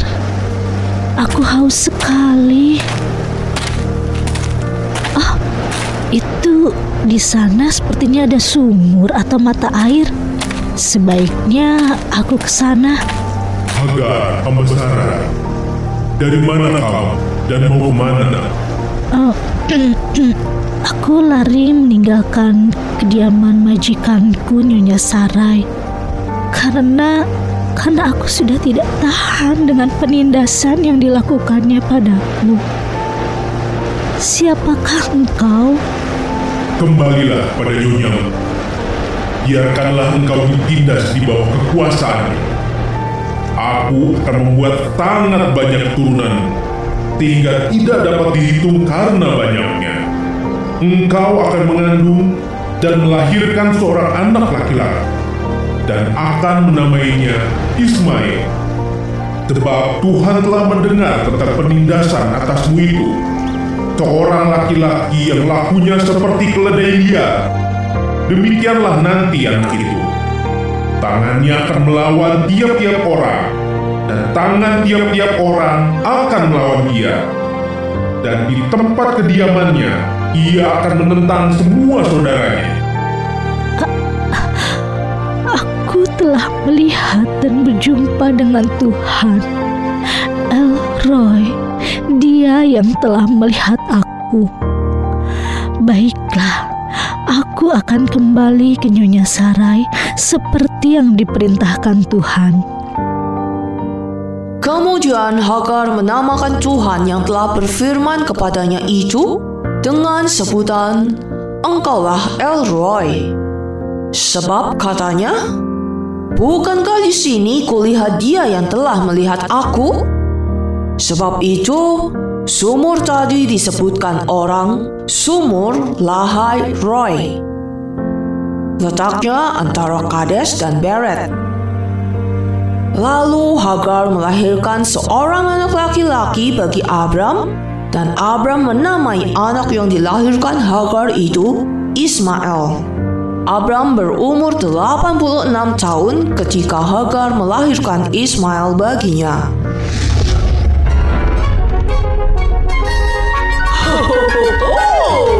Nah, seperti itu ya adik-adik cerita kita hari ini. Tuhan tidak pernah meninggalkan kita dan Tuhan pasti akan selalu menyertai kita. Jadi, kita harus yakin dan percaya ya adik-adik akan semua firman Tuhan. Makanya, rajin baca Alkitab ya. Kita akan lanjutkan minggu depan. Mela Popin, permisi dulu ya. Oh ya, jangan lupa untuk rajin belajar dan membaca firman Tuhan ya. Dadah!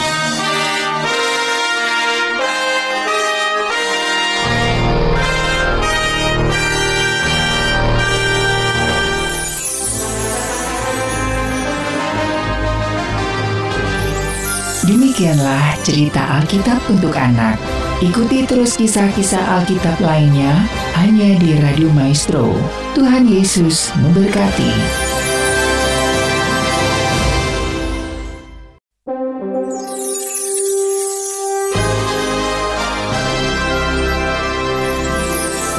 Adik-adik, kita akan mendengarkan drama Alkitab untuk anak bersama Mela Popin. Selamat mendengarkan.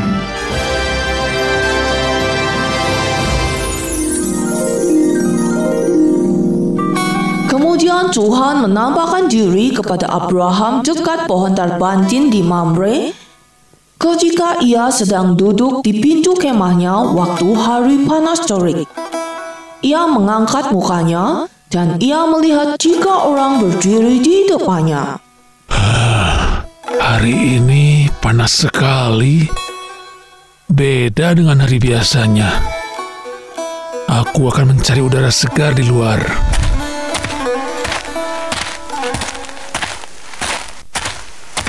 Nah, di depan sini jauh lebih dingin dan segar. Hmm, sepertinya ada tamu. Tapi siapa mereka? Dan dari mana datangnya? Aku sama sekali tidak mengenalinya. Kenapa mereka bertiga ke sini ya? Hmm, aku akan menemui mereka. Tuanku, jika aku telah mendapat kasih Tuanku, janganlah kiranya lampaui hambamu ini. Biarlah diambil air sedikit, basuhlah kakimu, dan duduklah beristirahat di bawah pohon ini. Biarlah ku ambil sepotong roti, supaya tuan-tuan segar kembali. Kemudian, bolehlah tuan-tuan meneruskan perjalanannya. Sebab tuan-tuan telah datang ke tempat hambamu ini. Perbuatlah seperti yang kau katakan itu. Abraham segera pergi ke kemah mendapatkan Sarah. Sarah, Sarah, Ada apa Abraham? Sepertinya ada yang penting. segeralah ambil tiga sukat tepung yang terbaik. Remaslah itu dan buatlah roti bundar. Membuat roti? Bukankah aku sudah membuatnya untukmu? Kita kedatangan tiga tamu. Sepertinya mereka sangat lelah. Jadi kita akan menjamu mereka. Tolong, segeralah. Tiga orang tamu. Siapa mereka? Dan dari mana? Aku juga tidak tahu.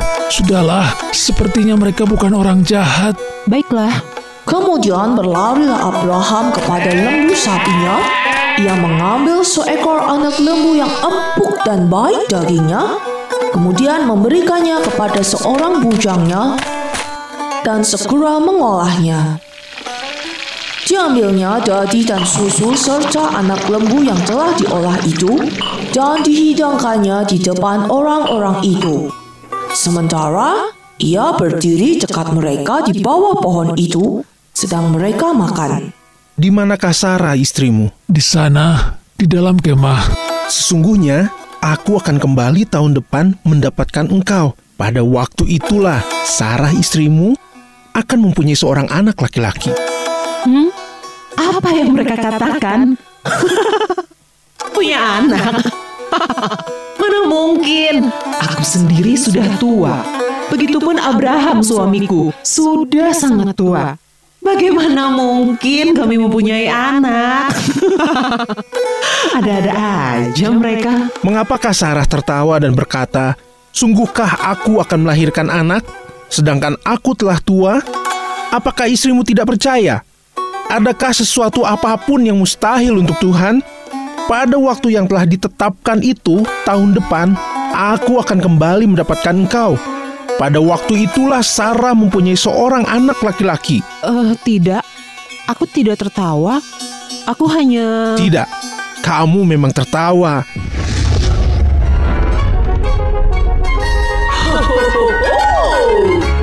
Nah, adik-adik, Tuhan tidak berhenti untuk terus mengingatkan janjinya kepada Abraham, walaupun kelihatannya sangat mustahil. Sampai di sini dulu ya adik-adik cerita kali ini.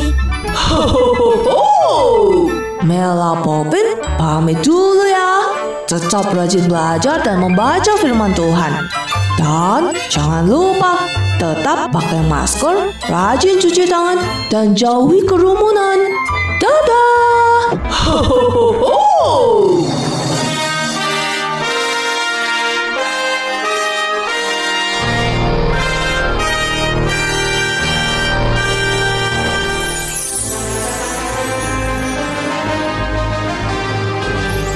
Demikianlah cerita Alkitab untuk anak.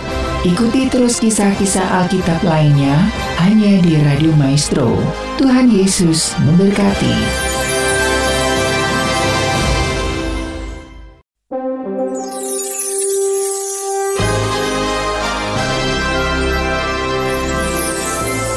Adik-adik, kita akan mendengarkan drama Alkitab untuk anak bersama Mela Popin. Selamat mendengarkan.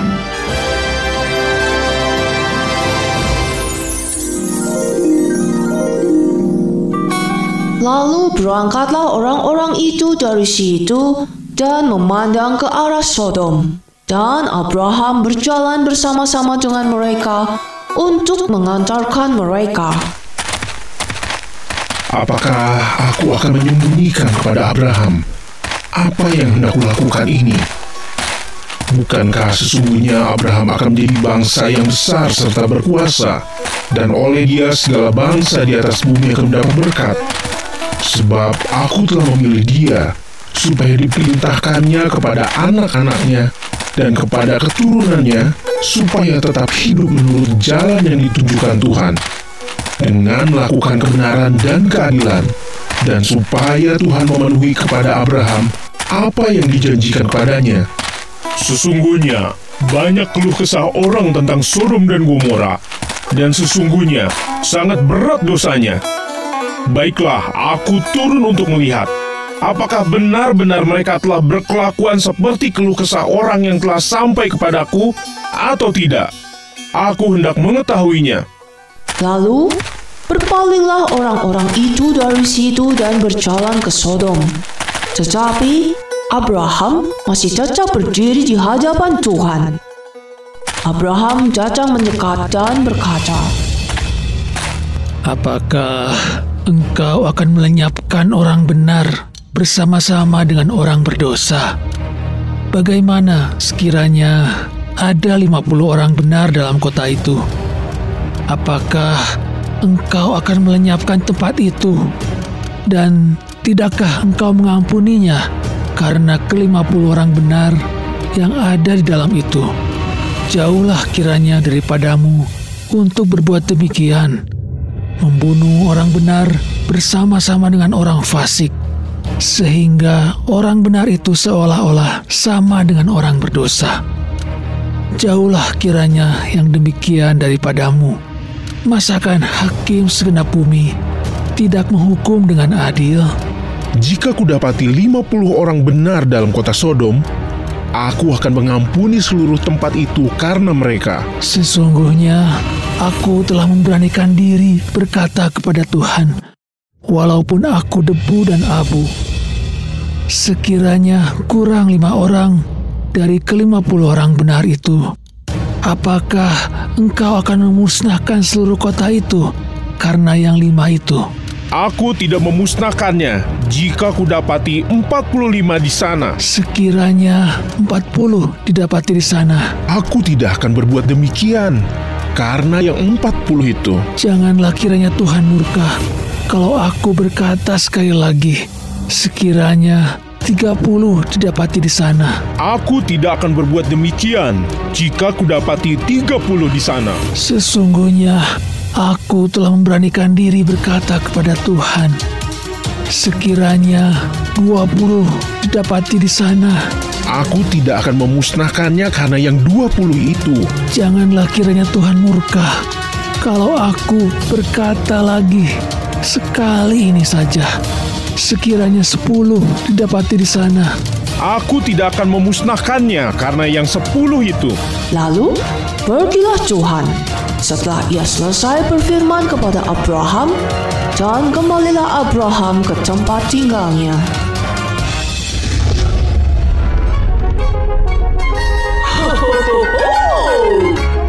Wah, hari ini kita belajar banyak ya adik-adik dari Abraham yang bersyafaat untuk orang Sodom dan Gomora. Kita juga bisa loh belajar berdoa untuk teman-teman kita. Oke, Mela Popin pamit dulu ya. Kita ketemu Sabtu depan. Bye-bye.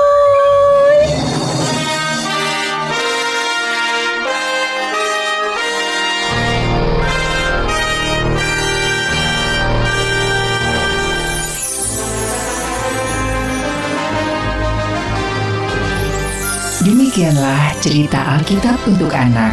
Ikuti terus kisah-kisah Alkitab lainnya hanya di Radio Maestro. Tuhan Yesus memberkati.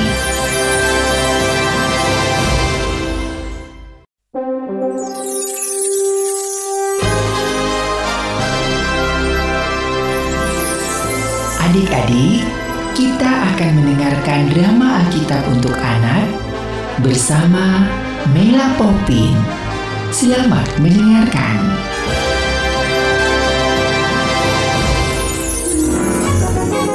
Kedua malaikat yang berwujud manusia itu tiba di Sodom pada waktu petang. Lot sedang duduk di pintu gerbang Sodom dan ketika melihat mereka, bangunlah ia menyongsong mereka lalu sujud dengan mukanya sampai ke tanah. Tuan-tuan, silahkanlah singgah di rumah hambamu ini. Bermalamlah di sini dan basuhlah kakimu. Besok pagi tuan-tuan boleh melanjutkan perjalanannya agar tuan-tuan lebih segar. Tidak, kami akan bermalam di tanah lapang ini saja.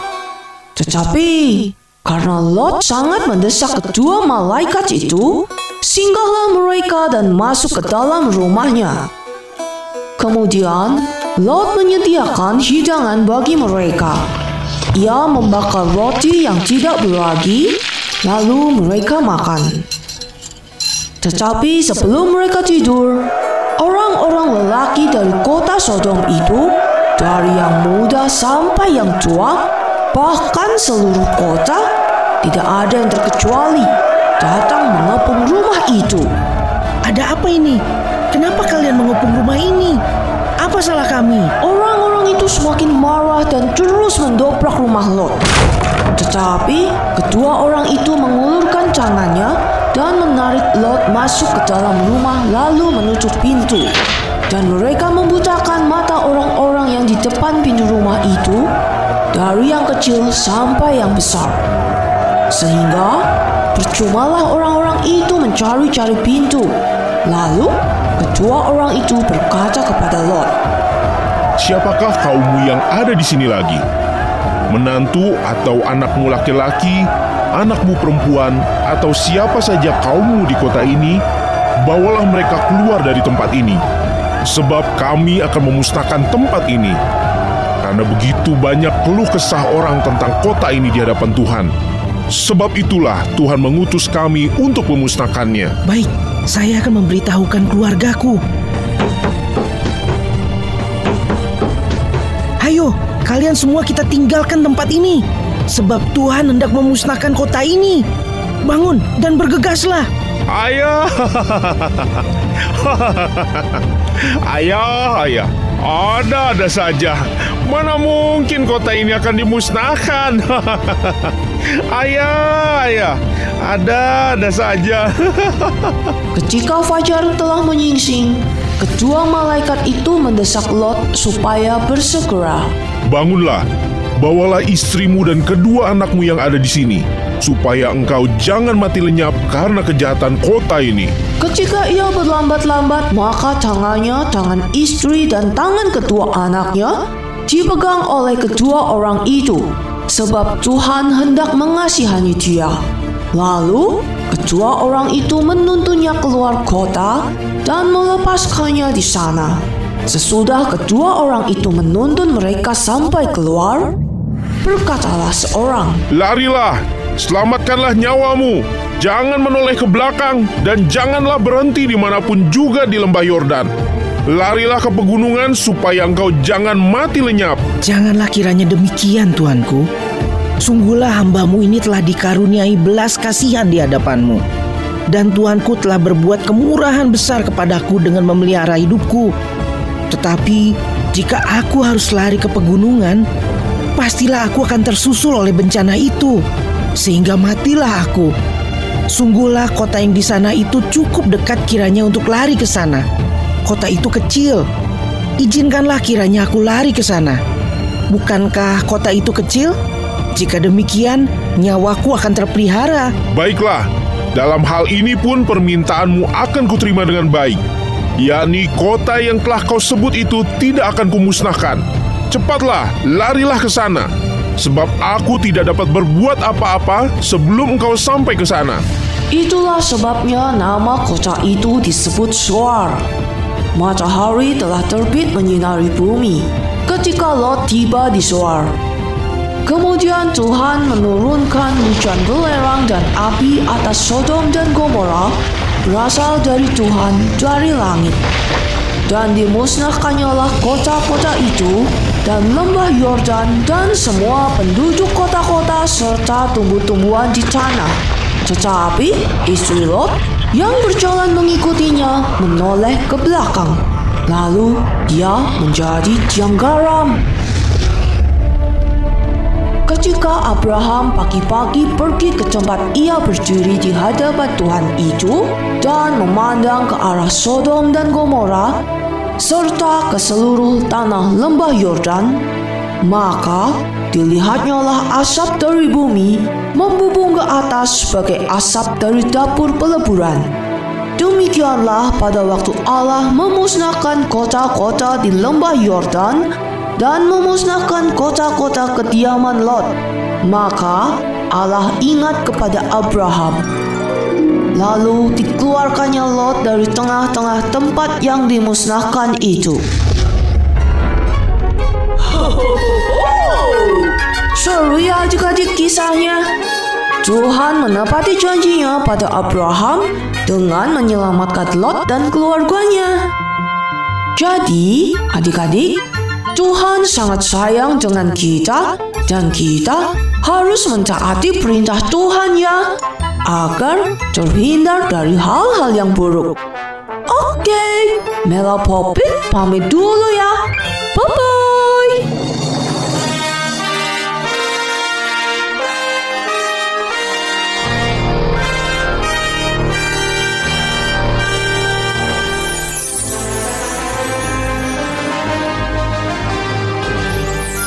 Demikianlah cerita Alkitab untuk anak. Ikuti terus kisah-kisah Alkitab lainnya hanya di Radio Maestro. Tuhan Yesus memberkati.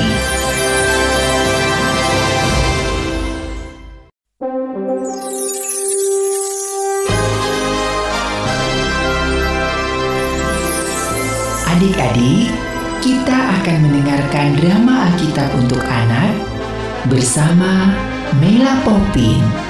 Selamat mendengarkan.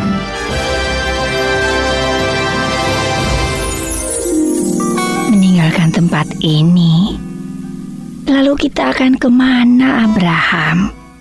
Apakah kita akan ke negeri asing kembali? Benar, Sarah. Kita akan ke tanah Negeb. Kita akan menetap di Gerar sebagai orang asing.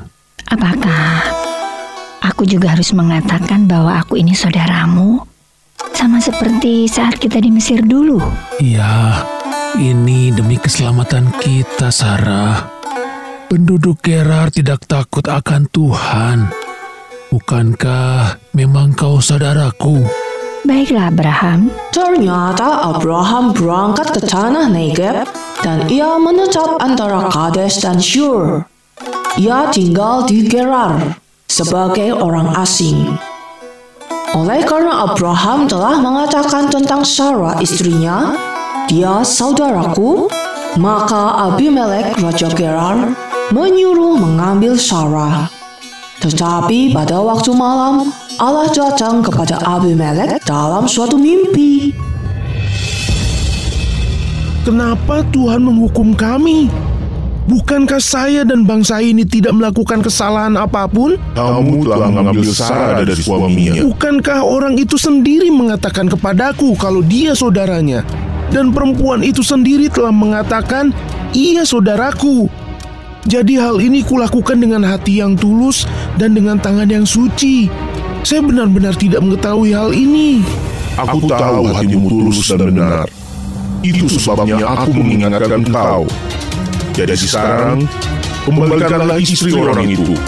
Sebab dia seorang nabi. Ia akan berdoa untuk engkau. Maka engkau tetap hidup. Tapi, jika engkau tidak mengembalikan dia, ketahuilah, engkau pasti mati, engkau dan semua orang yang bersama-sama dengan engkau.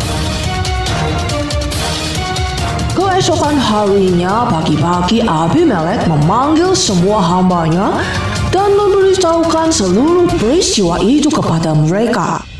Lalu sangat takutlah orang-orang itu. Kemudian Abimelek memanggil Abraham. Abraham, mengapa engkau lakukan hal ini kepada kami? Perbuatan apakah yang kau lakukan ini terhadap kami? Dan kesalahan apakah yang kulakukan terhadap engkau? Sehingga engkau mendatangkan dosa besar atas diriku dan kerajaanku. Engkau telah berbuat hal-hal yang tidak patut. Maafkan saya, Tuan Abimelek. Saya berpikir takut akan Allah tidak ada di tempat ini. Tentulah aku akan dibunuh karena istriku. Lagi pula, ia benar-benar saudaraku, anak ayahku, hanya bukan anak ibuku. Tetapi kemudian ia menjadi istriku. Ketika Allah menyuruh aku mengembara keluar dari rumah ayahku, berkatalah aku kepada istriku, tunjukkanlah kasihmu kepadaku, yakni katakanlah tentang aku di tiap-tiap tempat di mana kita tiba. Ia saudaraku. Baiklah, aku mengerti Abraham. Sekarang aku kembalikan istrimu. Negeriku ini terbuka untuk engkau. Menetaplah di mana pun engkau suka. Telah kuberikan kepada saudaramu seribu shikal perak. Itulah bukti kesucianmu bagi semua orang yang bersama-sama dengan engkau. Maka dalam segala hal engkau dibenarkan. Terima kasih atas kebaikan hati Anda, Tuan. Saya akan berdoa untuk Tuan dan seluruh negeri ini. Lalu Abraham berdoa kepada Allah dan Allah menyembuhkan Abimelek dan istrinya dan budak-budaknya perempuan sehingga mereka melahirkan anak.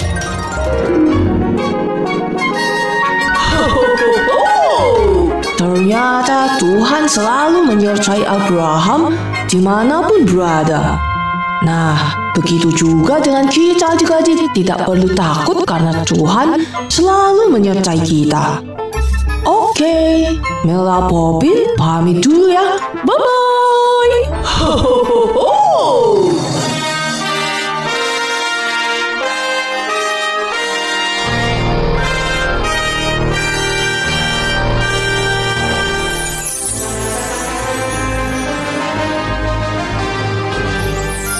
Demikianlah cerita Alkitab untuk anak. Ikuti terus kisah-kisah Alkitab lainnya hanya di Radio Maestro. Tuhan Yesus memberkati.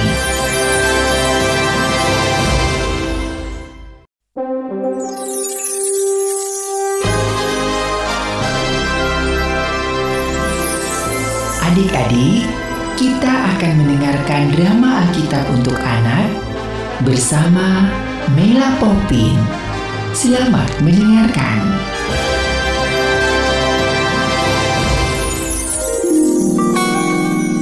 Tuhan menjanjikan seorang putra kepada Abraham. Dari putra itu akan lahir banyak sekali keturunan yang akan memberkati seluruh dunia. Tetapi Abraham dan Sarah terlalu tua untuk memiliki seorang putra. 20 tahun berlalu. Abraham tetap percaya akan janji Tuhan. Ketika usia Abraham 100 tahun dan Sarah 90 tahun, Tuhan kembali mengingatkan mereka akan janjinya.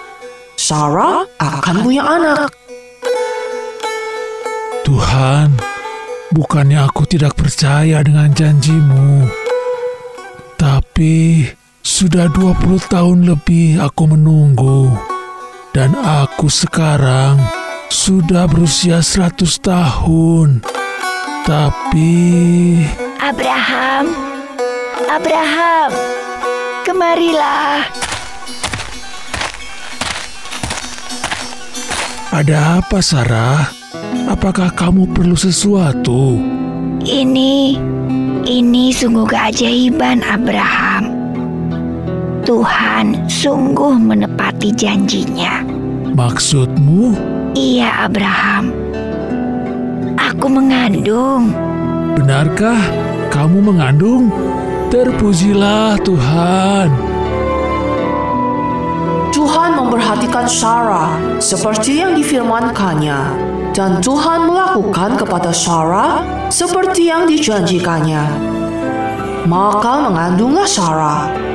Lalu ia melahirkan seorang anak laki-laki bagi Abraham dalam masa tuanya pada waktu yang telah ditetapkan, sesuai dengan firman Allah kepadanya. Abraham menamai anaknya yang baru lahir itu Ishak, yang artinya tertawa, yang dilahirkan Sarah baginya. Allah telah membuat aku tertawa. Setiap orang yang mendengarnya akan tertawa karena aku.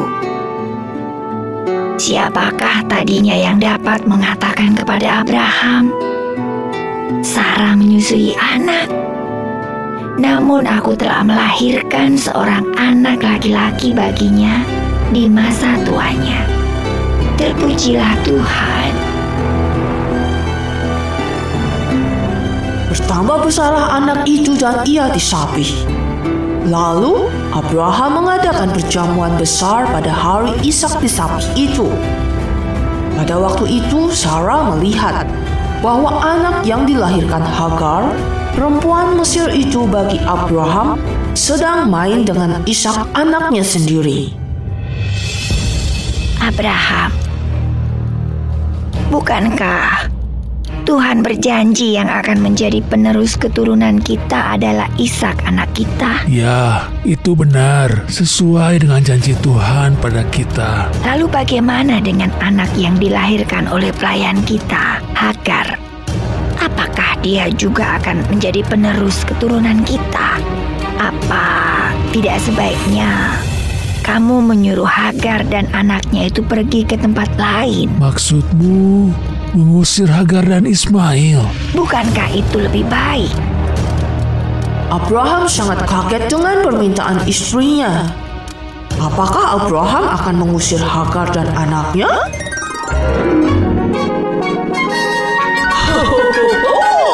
Oke, Mela Popit pamit dulu ya. Bye-bye.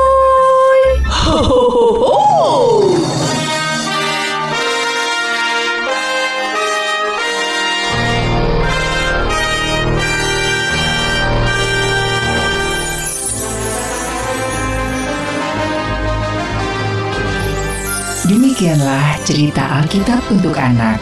Ikuti terus kisah-kisah Alkitab lainnya hanya di Radio Maestro. Tuhan Yesus memberkati.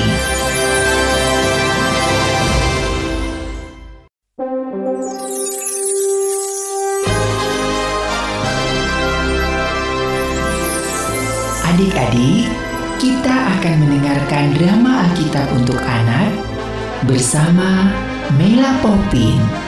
Selamat mendengarkan.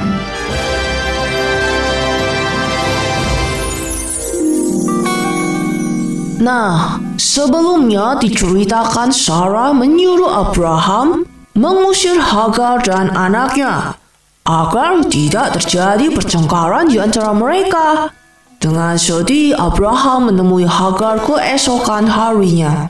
Abraham mengambil roti serta sekirbat air dan memberikannya kepada Hagar. Ia meletakkan itu beserta anaknya di atas bahu Hagar. Kemudian disuruhnyalah perempuan itu pergi. Apakah apakah saya sudah melakukan kesalahan, Tuhan?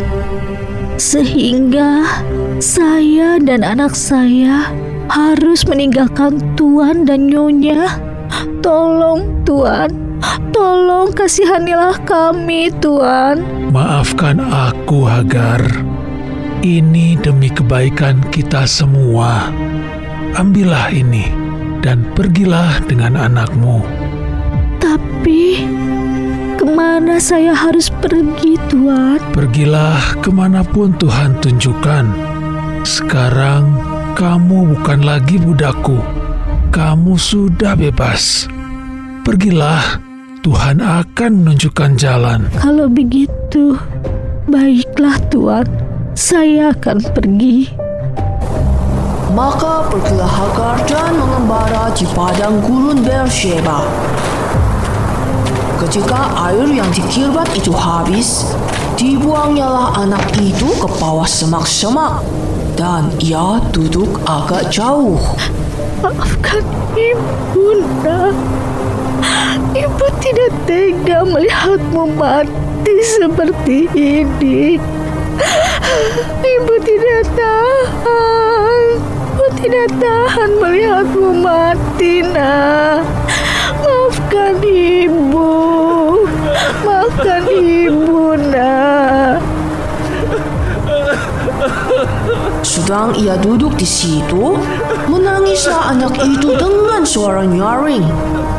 Allah mendengarkan suara anak itu, lalu malaikat Allah berseru dari langit kepada Hagar. Apakah yang kau susahkan, Hagar? Janganlah takut, sebab Allah telah mendengar suara anak itu dari tempat ia berbaring. Bangunlah, angkatlah anak itu dan bimbinglah dia, sebab aku akan membuat dia menjadi bangsa yang besar. Lalu Allah membuka mata Hagar sehingga ia melihat sebuah sumur. Ia pergi mengisi kirbatnya dengan air. Kemudian diberinya anak itu minum.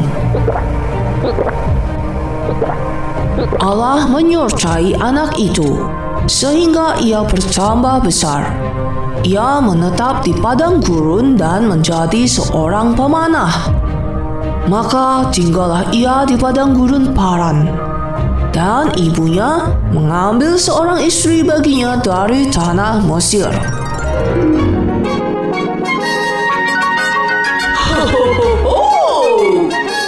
Tuhan selalu tahu apa yang menjadi kebutuhan umatnya dan selalu menolong serta menyediakannya. Begitu juga dengan adik-adik semua. Tuhan pasti mendengar doa adik-adik. Makanya, jangan lupa untuk selalu berdoa kepada Tuhan ya. Apa pun yang menjadi kebutuhan adik-adik. Wah, tanpa terasa, Mela Popin harus pamitan nih. Tuhan memberkati. Dadah!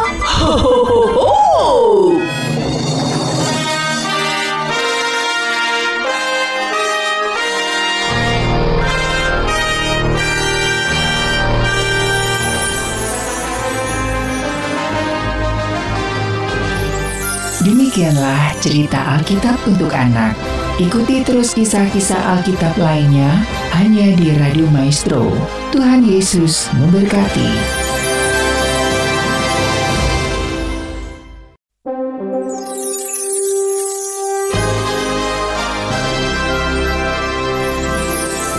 Adik-adik, kita akan mendengarkan drama Alkitab untuk anak bersama Mela Popin. Selamat mendengarkan.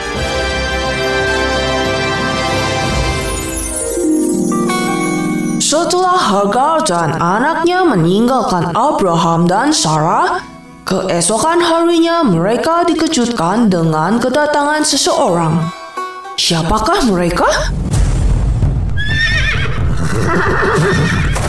Tuan, ada rombongan dari kerajaan ingin bertemu dengan Tuan Abraham. Rombongan kerajaan? Siapa? Sepertinya Tuan Abimelek dan Panglima tentaranya, Tuan. Ada apa mereka ke sini? Apa kalian dan para budak yang lainnya sudah melakukan kesalahan? Tidak, Tuan. Kami sama sekali tidak melakukan kesalahan apa pun. Ah, baiklah. Aku akan menemui mereka. Persilahkan mereka masuk dan siapkan tempat serta hidangan yang terbaik. Ternyata yang datang adalah Abimelek dan Pikol, panglima tentaranya. Hmm, kira-kira ada apa ya adik-adik? Ada apakah kiranya Tuan Abimelek berkunjung ke tempat saya? Apakah ada kesalahan dari budak saya? Maaf sebelumnya jika kedatangan kami membuat kaget. Begini Abraham, aku melihat bahwa Allah menyertai engkau dalam segala hal yang engkau lakukan. Oleh sebab itu, bersumpahlah kepadaku di sini demi Allah bahwa engkau tidak akan berlaku curang kepadaku atau kepada anak-anakku atau kepada cucu cicitku sesuai dengan persahabatan yang kulakukan kepadamu. Demikianlah harus engkau berlaku kepadaku dan kepada negeri yang kau tinggali sebagai orang asing. Oh, jangan khawatir. Saya berjanji dan bersumpah demi nama Allah tidak akan melakukan kecurangan apa pun kepada Tuanku dan seluruh keturunan Tuanku. Hanya saja ada sedikit masalah dengan sumur yang di perbatasan. Ada apa dengan sumur itu? Hamba-hamba Tuanku telah merampasnya dari kami. Hmm, benarkah itu? Sungguh, aku tidak mengetahuinya. Siapa yang melakukannya? Dan kenapa tidak ada yang memberitahukan kepadaku? Sampai hari ini aku baru mendengarnya.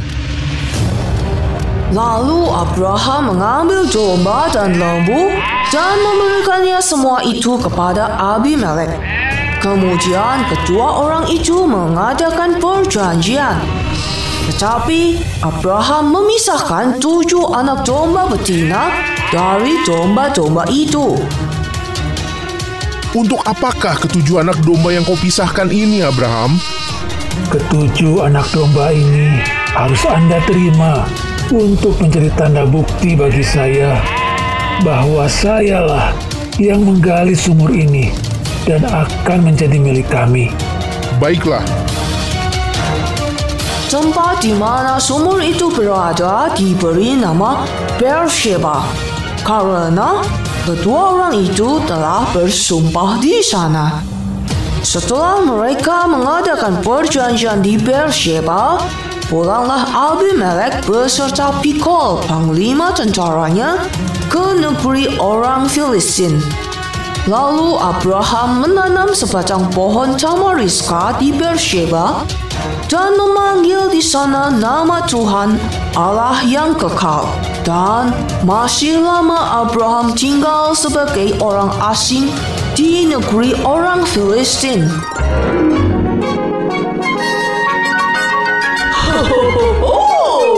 Ternyata damai itu indah ya Jukajit. Tidak saling membenci. Wah, tidak terasa kita harus berpisah. Dadah!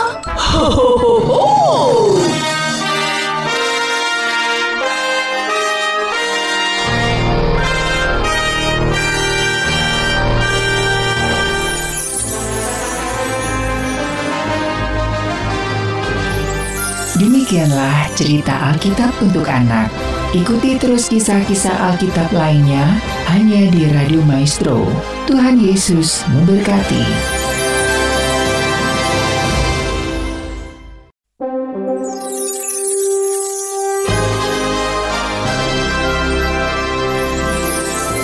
Adik-adik, kita akan mendengarkan drama Alkitab untuk anak bersama Mela Popin. Selamat mendengarkan.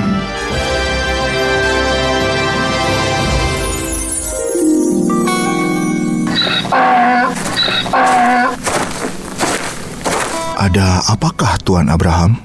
Bisakah kalian membantuku mempersiapkan beberapa keledai dan kayu bakar? Baik, Tuan. Eh, jika hamba boleh tahu, Tuan hendak pergi ke mana, Tuan? Aku dan anakku Ishak akan ke tanah Moria untuk mempersembahkan korban bagi Tuhan. Tanah Moria. Bukankah itu sangat jauh, Tuan? Itu sebabnya aku meminta kalian berdua menemani kami ke sana. Baiklah, Tuan. Kami segera mempersiapkannya. Ayah, aku sudah siap, Ayah. Anak yang baik, ayo bantu ayah mempersiapkan kayu dan keledai. Baik, Ayah. Oh iya, Ayah. Apakah tanah Moria itu sangat jauh? Hmm, kira-kira tiga hari perjalanan. Tuan, semua sudah siap. Ayo, kita berangkat. Pagi-pagi sekali Abraham bangun. Ia memasang pelana keledainya dan memanggil dua orang bujangnya beserta Ishak anaknya. Ia membelah juga kayu untuk korban bakaran itu. Lalu berangkatlah ia dan pergi ke tempat yang dikatakan Allah kepadanya. Ketika pada hari ketiga Abraham melayangkan pandangnya, kelihatanlah kepadanya tempat itu dari jauh. Kita sudah sampai. Tinggallah kalian di sini dengan keledai ini. Aku beserta anakku akan pergi ke sana. Kami akan sembayang. Sudah itu, kami kembali ke sini. Ishak, bantu ayah membawa kayu bakar ini. Baik, Ayah. Oh iya, Ayah. Apakah tanah Moria itu sangat jauh? Itu di atas bukit itu. Kamu masih kuat kan?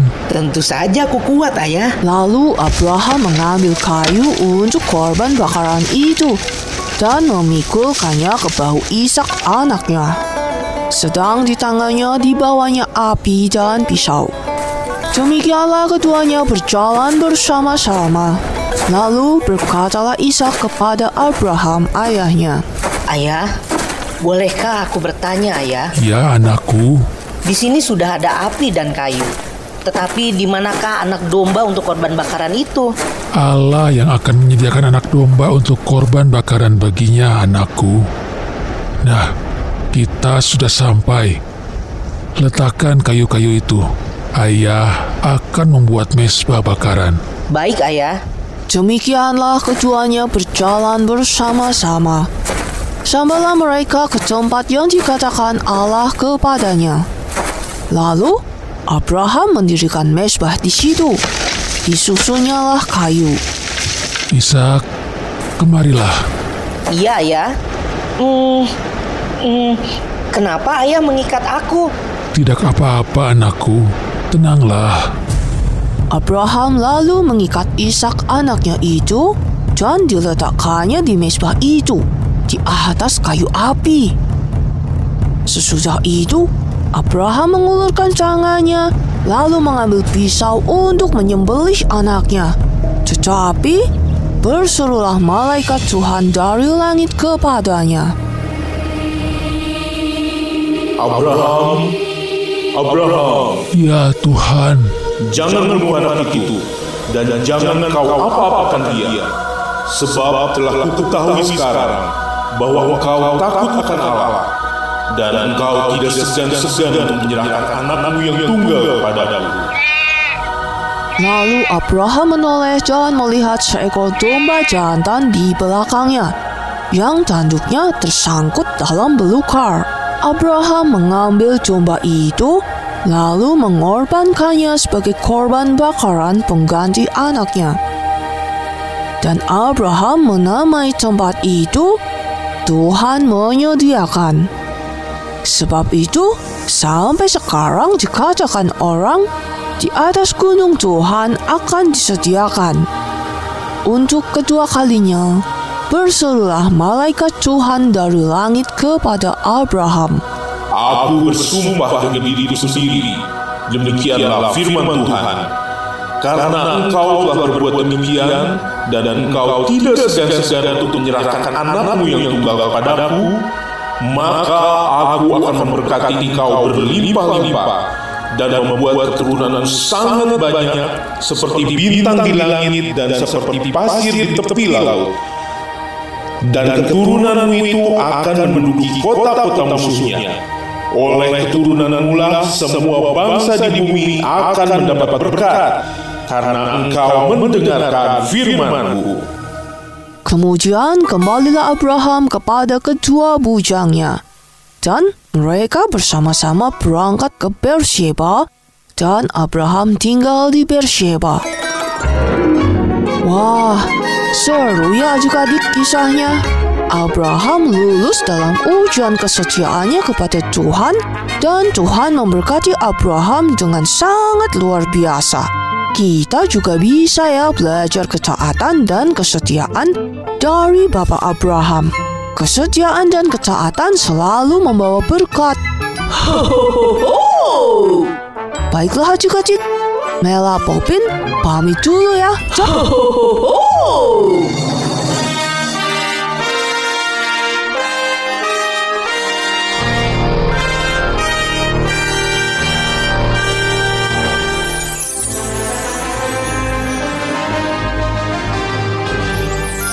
Demikianlah cerita Alkitab untuk anak.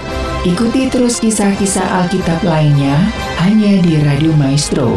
Tuhan Yesus memberkati.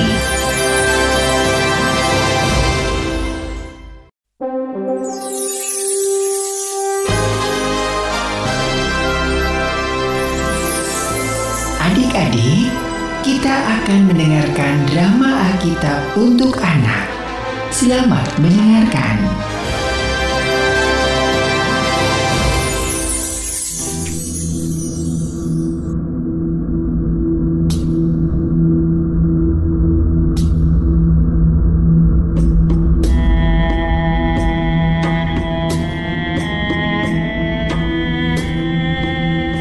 Inilah keturunan Terah.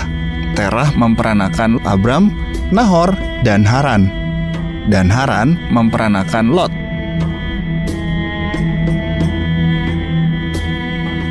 Ketika Terah ayahnya masih hidup, matilah Haran di negeri kelahirannya, di Ur Kasdim atau Babelonia. Abram yang kemudian menjadi Abraham dilahirkan di Ur Kasdim, di mana ia hidup bersama Terah, bapaknya dan saudara laki-lakinya, Nahor dan Haran, juga keponakannya, Lot.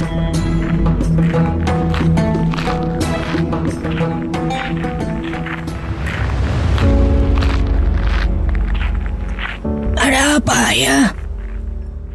Sepertinya ada sesuatu yang membuat ayah gelisah. Apakah ayah sakit? Ayah tidak sakit, Abram. Ayah hanya berpikir untuk pindah dari Ur Kasdim ini. Kota ini sangat tidak baik untuk keluarga kita, Nak. Apakah Tuhan yang menyuruh ayah untuk pergi dari Ur Kasdim ini? Benar, Abram. Tuhan sendiri yang memerintahkan ayah untuk pindah.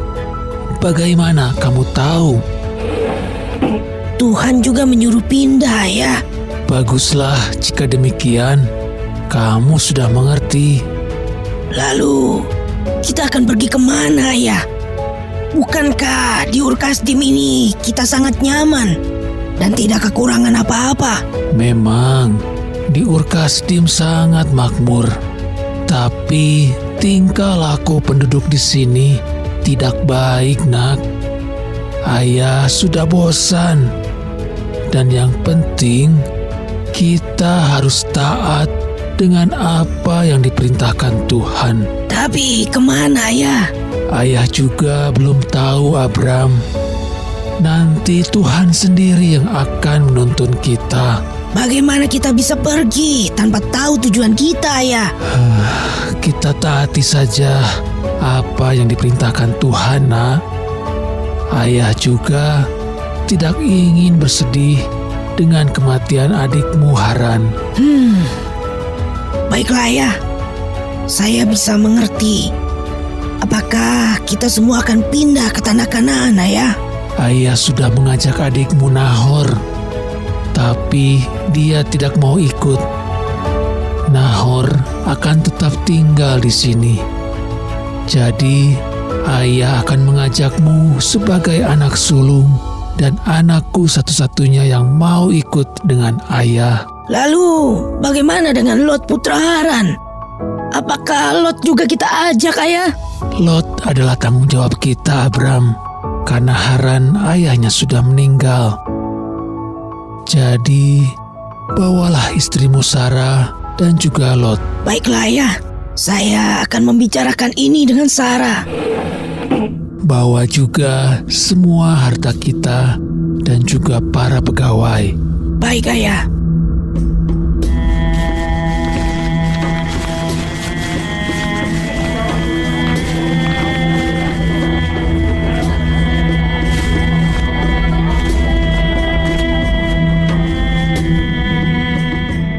Kisah Abraham dimulai dari kisah ayah kandungnya, Terah. Saat itu, Terah dan keluarganya ingin mengubah nasib mereka supaya menjadi lebih baik dengan cara meninggalkan Ur Kasdim, tanah kelahiran mereka. Tekad Terah untuk keluar dari Ur Kasdim semakin bulat. Ketika anak bungsunya yang bernama Haran meninggal di Ur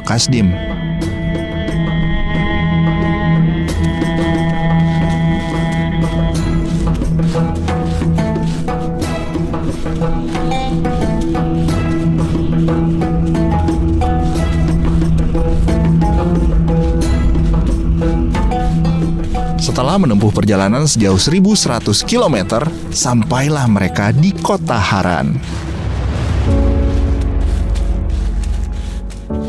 Lihat ayah, kota yang kita masuki ini sepertinya cukup maju dan ramai. Kamu benar, Abram. Sepertinya kita akan menetap sementara di Haran ini. Nanti kita akan melanjutkannya lagi. Baik ayah, sepertinya ayah juga sangat lelah setelah menempuh perjalanan yang sangat jauh. Saya akan mencari tempat yang cukup bagus untuk kita dan semua pegawai untuk tempat tinggal sementara kita ya.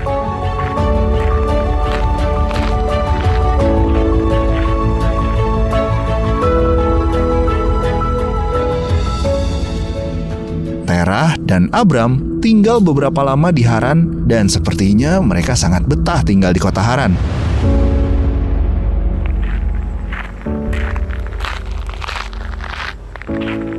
Ayah, apakah kita akan tetap tinggal di Haran ini? Kota Haran ini sangat makmur. Mungkin inilah kota yang dijanjikan Tuhan, Nak. Ayah yakin? Apa kamu tidak suka dengan kota ini, Abram? Apakah Tuhan mengatakan sesuatu kepadamu? Benar, Ayah. Panggilan itu kembali saya dengar dengan jelas, Ayah.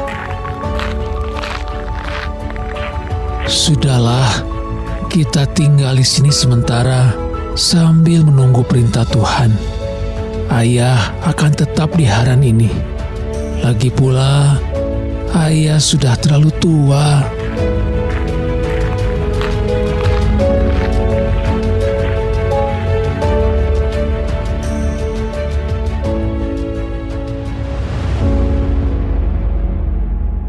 Terah menetap di kota Haran selama 50 tahun lamanya hingga berusia 250 tahun. Kemudian Terah meninggal Berfirmanlah dan dikuburkan Tuhan di Haran. kepada Abraham. Tujuan dan maksud Tuhan memanggil Abraham untuk keluar dari Ur Kasdim adalah tinggal menetap di Kanaan dan bukan di Haran. Setelah Terah mati, Tuhan kembali berbicara kepada Abraham untuk beranjak menuju negeri Kanaan. Pergilah dari negerimu, dan dari sanak saudaramu, dan dari rumah bapamu ini ke negeri yang akan kutunjukkan kepadamu. Aku akan membuat engkau menjadi bangsa yang besar, dan memberkati engkau serta membuat namamu masyur, dan engkau akan menjadi berkat. Aku akan memberkati orang-orang yang memberkati engkau dan mengutuk orang-orang yang mengutuk engkau. Dan olehmu, semua kaum di muka bumi akan mendapat berkat. Syukur kepada Allah karena Abraham taat kepada suara Tuhan dan ia berangkat menuju negeri yang bukan miliknya, namun yang dijanjikan Allah kepada Abraham bahwa keturunannya akan memiliki negeri tersebut. Saat itu, usia Abraham 75 tahun.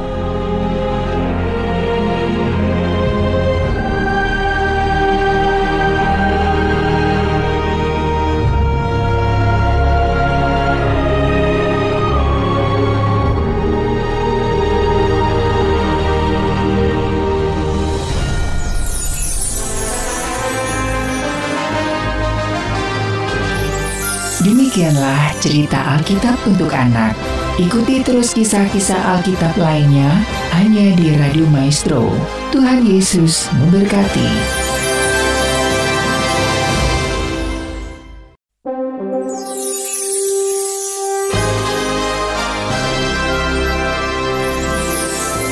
Adik-adik, kita akan mendengarkan drama Alkitab untuk anak. Selamat mendengarkan.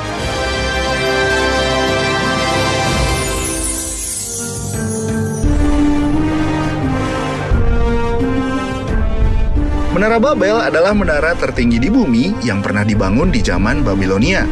Menara Babilonia ini berdiri setelah zaman Nabi Nuh beberapa tahun sesudah banjir bandang. Pada saat itu, jumlah penduduk keturunan Nabi Nuh berkembang sangat banyak. Penduduk pada zaman itu dianugerahi dengan kekuatan-kekuatan fisik yang lebih dan keperawakan yang gagah dibanding dengan bangsa-bangsa lain.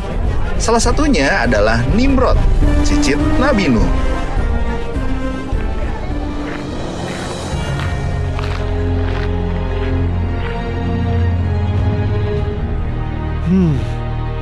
Sepertinya di daerah ini sudah tidak ada tempat yang bisa menghasilkan. Bagaimana kalau kita pergi mencari tempat yang baru? Benar Nimrod. Tempat ini sangat tandus dan tidak bisa ditanami lagi. Kita akan pergi ke mana? Kami sudah capek berpindah-pindah tempat, Nimrod. Hmm, sepertinya di sebelah timur tanahnya cukup bagus. Apakah kamu yakin? Bukankah kamu belum pernah ke sana? Jangan-jangan kita malah makin susah di sana. Ah, kami tidak mau. Menurut perhitunganku, tanah di sebelah timur jauh lebih baik dan lebih subur. Kalian lihat, banyak sekali burung terbang ke arah sana. Itu artinya di sana banyak makanan. Benar juga ya. Baiklah kalau begitu. Besok kami akan mengumpulkan semua orang untuk berangkat menuju ke timur. Maka berangkatlah mereka ke sebelah timur dan menjumpai tanah datar di Sinear. Lalu menetaplah mereka di sana. Hai, lihat itu. Di sana tanahnya datar dan sangat subur sepertinya. Ayo. Nimrod benar. Sepertinya dia pantas jadi pemimpin kita. Seorang di antara mereka yang bernama Nimrod adalah Cicit Nuh. Ia jahat, ia memburu dan membunuh binatang dan manusia. Nimrod juga menjadikan dirinya raja, memerintah orang-orang lain. Bagaimana caranya agar semua orang yang berada di tempat ini tidak berpindah ke tempat lain? Aku tak ingin mereka meninggalkan aku. Hmm, sepertinya aku harus membuat sesuatu. Ya, aku akan membuat tempat ini menjadi sebuah kota yang besar, sehingga semua orang akan berdatangan dan tinggal di tempat ini, dan aku menjadi raja mereka.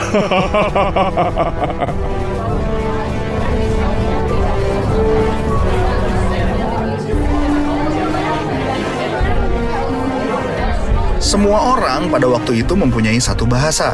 Nimrod ingin agar mereka semua tetap berkumpul di satu tempat saja, supaya ia dapat menguasai mereka. Ia menyuruh orang-orang membangun sebuah kota dengan sebuah menara yang besar di dalamnya.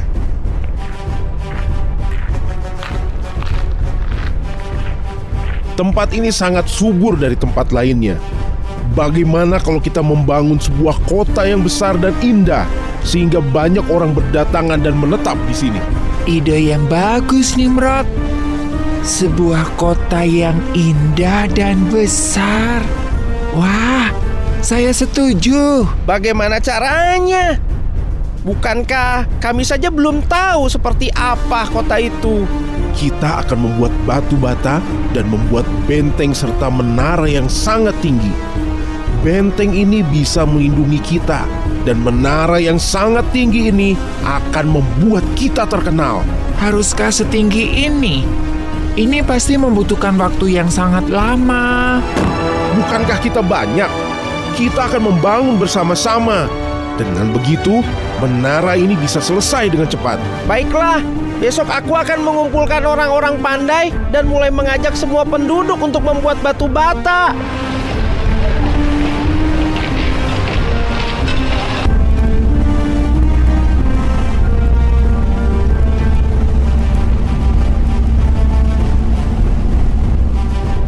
Nimrod dan seluruh orang di tempat itu bersama-sama membuat batu bata, lalu membangun benteng dan sebuah menara yang sangat tinggi sampai ke langit.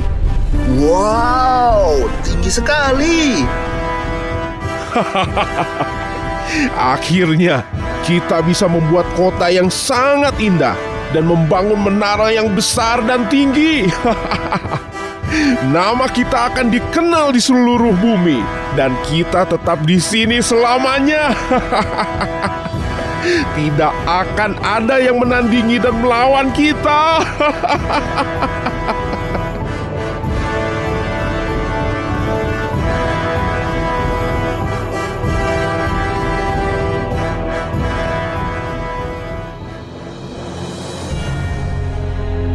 Nimrod dan orang-orang di sana menjadi sangat sombong, dan Tuhan menjadi marah. Mereka ini satu bangsa dengan satu bahasa untuk semuanya. Ini barulah permulaan usaha mereka. Mulai dari sekarang, apa pun juga yang mereka rencanakan, tidak ada yang tidak akan dapat terlaksana. Baiklah kita turun dan mengacau balokan di sana bahasa mereka, sehingga mereka tidak mengerti lagi bahasa masing-masing. Tak berapa lama, Allah pun membuat manusia berhenti membangun menara itu.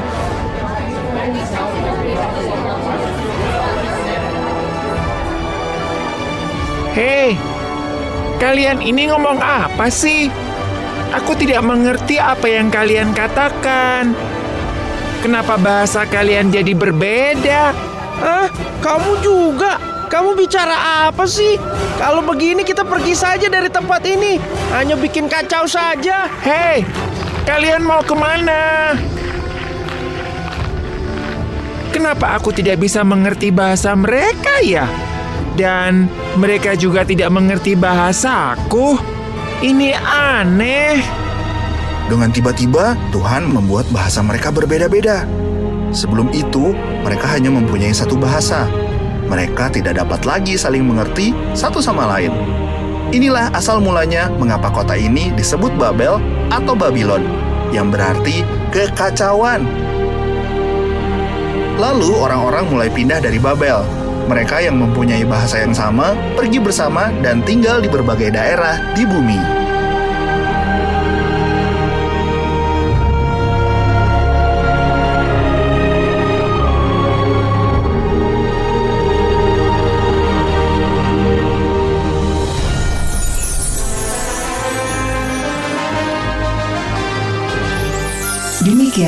Cerita Alkitab untuk anak.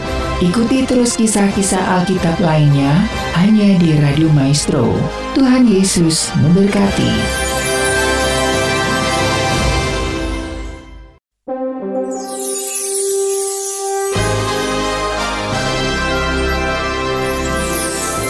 Adik-adik, kita akan mendengarkan drama Alkitab untuk anak.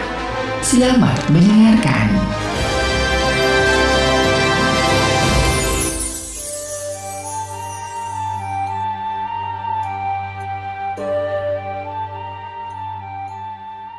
Dalam tahun ke-601, dalam bulan purnama, pada tanggal satu bulan itu, sudahlah kering air itu dari atas bumi. Kemudian Nuh membuka tutup bahtera itu dan melihat-lihat.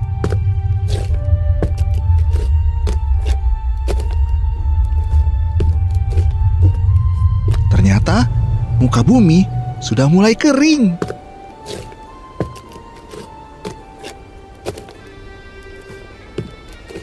Ayah, apakah kita sudah bisa keluar dari kapal ini, Ayah?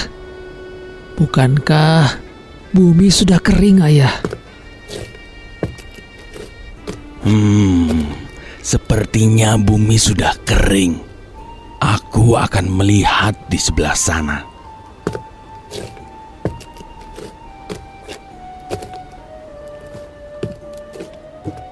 Bumi memang sudah kering, Nak.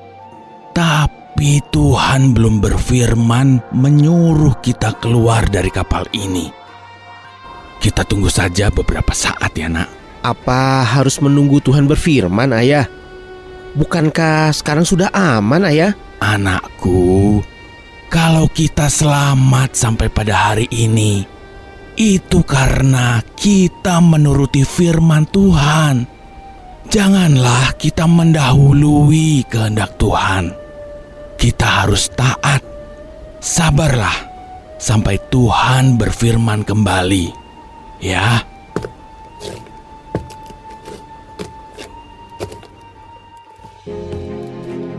Dalam bulan kedua, pada hari yang ke-27 bulan itu, bumi telah kering. Anak-anak, ayo kita keluar dari kapal ini.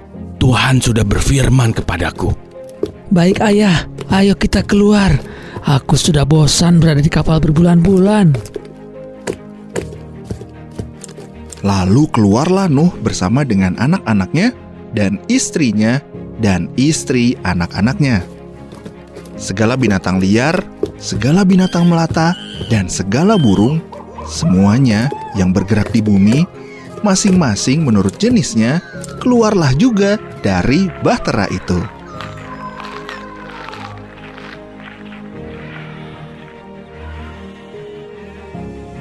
Sem, Ham, dan Yafet, kemarilah. Ada apa ya? Bantu ayah membangun mesbah. Setelah itu, bawalah beberapa ekor binatang dan burung dari semua yang ada.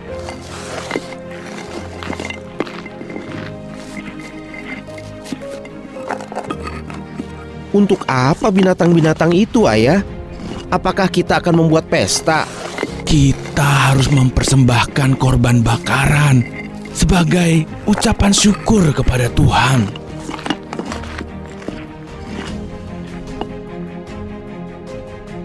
Lalu Allah memberkati Nuh dan anak-anaknya serta berfirman kepada mereka, Beranak cuculah, dan bertambah banyaklah, serta penuhilah bumi. Akan takut dan akan gentar kepadamu, segala binatang di bumi dan segala burung di udara. Segala yang bergerak di muka bumi dan segala ikan di laut, ke dalam tanganmu lah semuanya itu diserahkan. Segala yang bergerak, yang hidup, akan menjadi makananmu.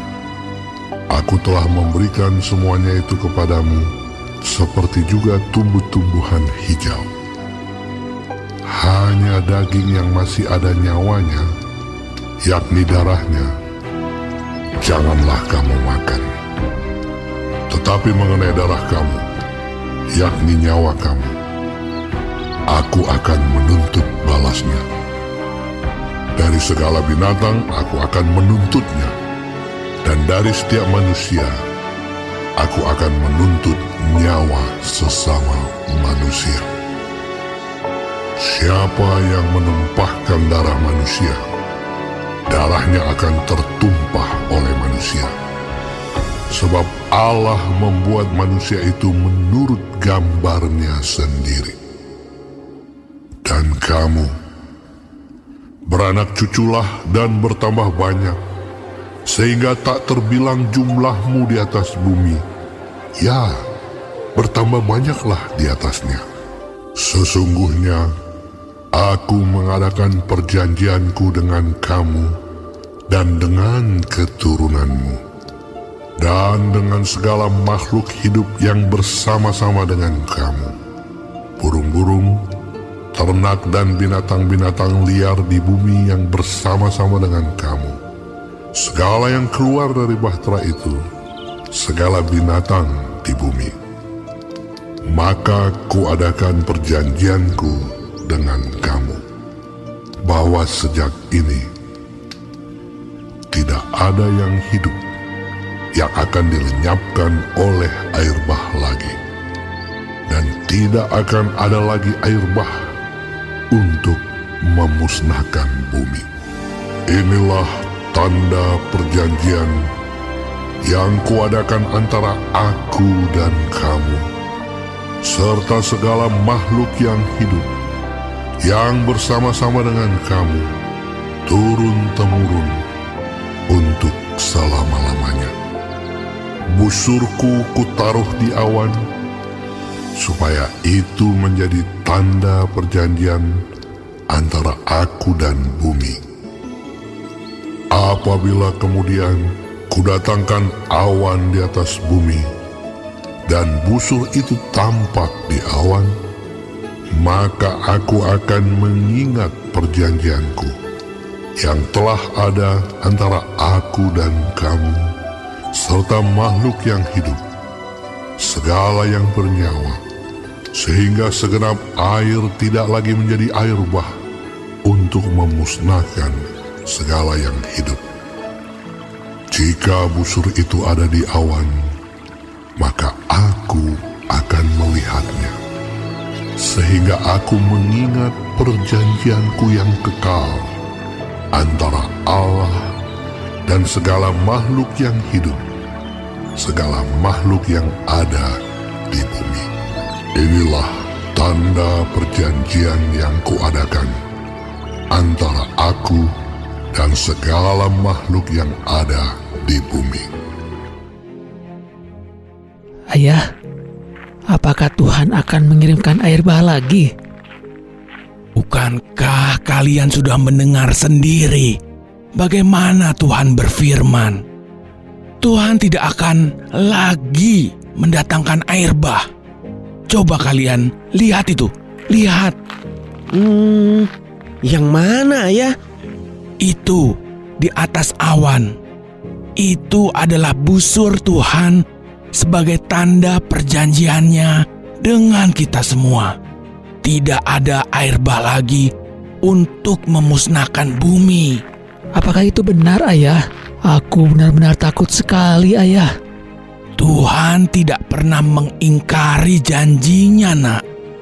Untuk itulah kalian semua harus taat dan dengar-dengaran firman Tuhan. Sudah, kalian makanlah. Besok kita harus mulai membuat kemah sebagai tempat tinggal kita masing-masing.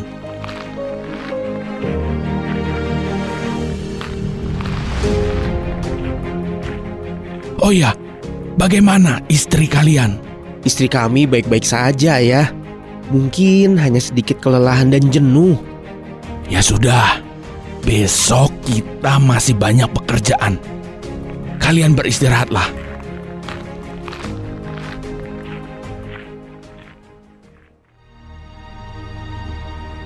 Nuh menjadi petani. Dialah yang mula-mula membuat kebun anggur.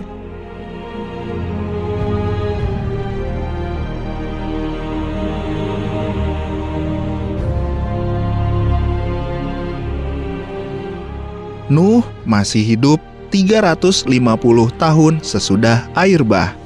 Jadi, Nuh mencapai umur 950 tahun. Lalu ia mati.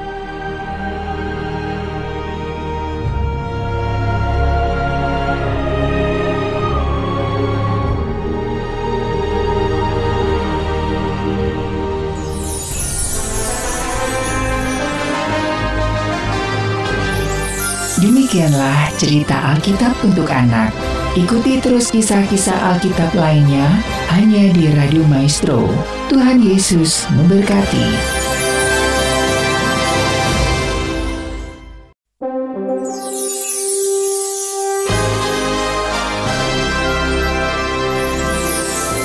Adik-adik, kita akan mendengarkan drama Alkitab untuk anak. Selamat mendengarkan.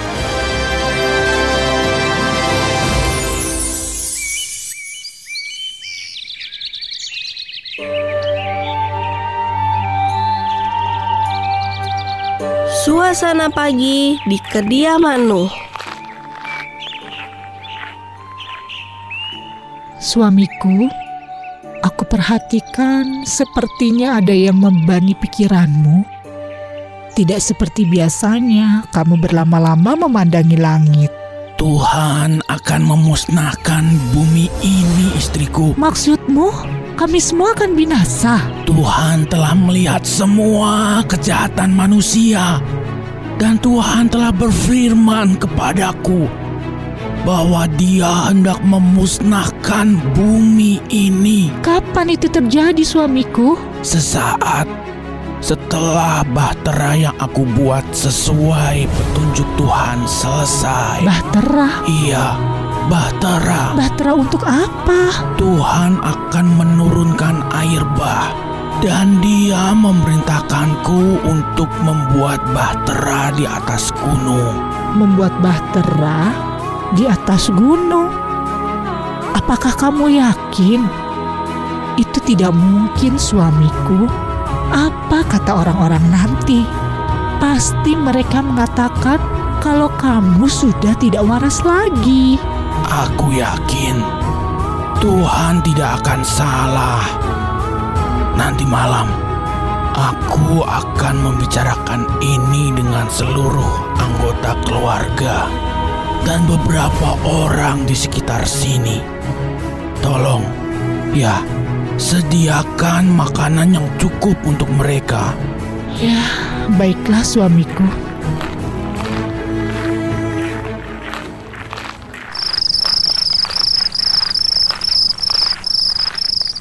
Suasana makan malam.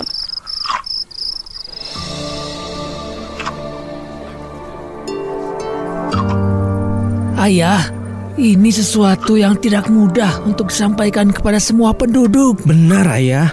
Kita pasti sudah dianggap gila. Dengar anak-anakku dan saudara-saudaraku. Tuhan tidak pernah salah. Ini memang memang sudah menjadi resiko. Tapi kita harus taat.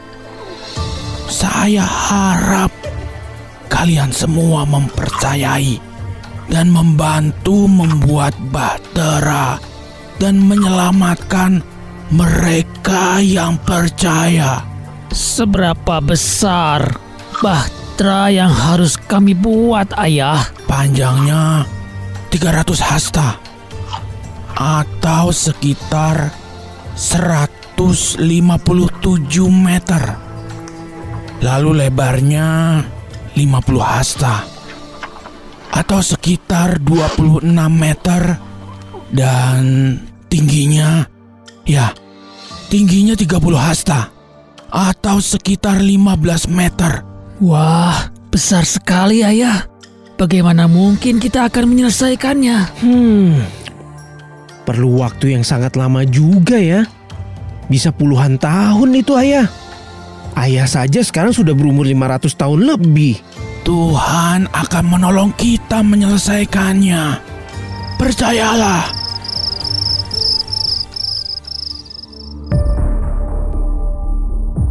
Seratus dua puluh tahun berlalu dan bahtera itu pun telah selesai. Meskipun banyak cemoohan dan hinaan.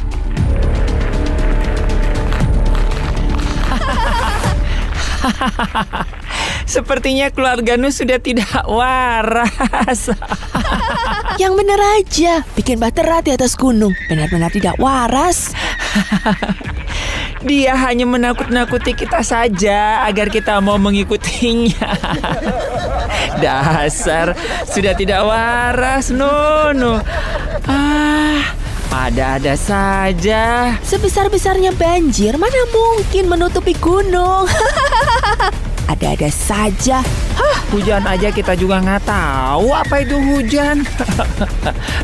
Aneh-aneh, Nono. Aduh, parah.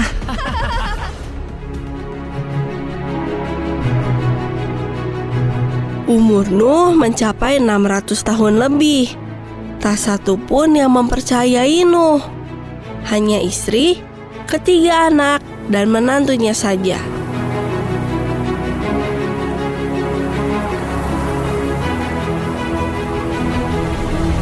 Tuhan berfirman kepada Nuh untuk mengumpulkan juga semua jenis binatang yang ada.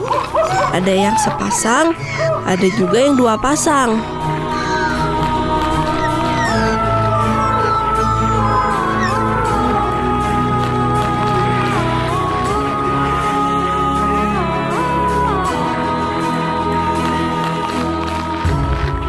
Hingga saat yang ditentukan, hanya keluarga Nuh yang masuk ke dalam bahtera itu. Ayo cepat, bergegaslah. Sam, Ham, dan Jafet. Hujan akan segera turun. Lalu Tuhan menurunkan hujan selama 40 hari 40 malam hingga air menutupi seluruh bumi.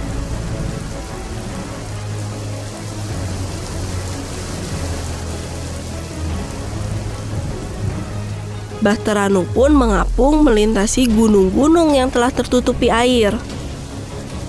Demikianlah dihapuskan Allah segala yang ada, segala yang di muka bumi, baik manusia maupun hewan dan binatang melata dan burung-burung di udara sehingga semua itu dihapuskan dari atas bumi.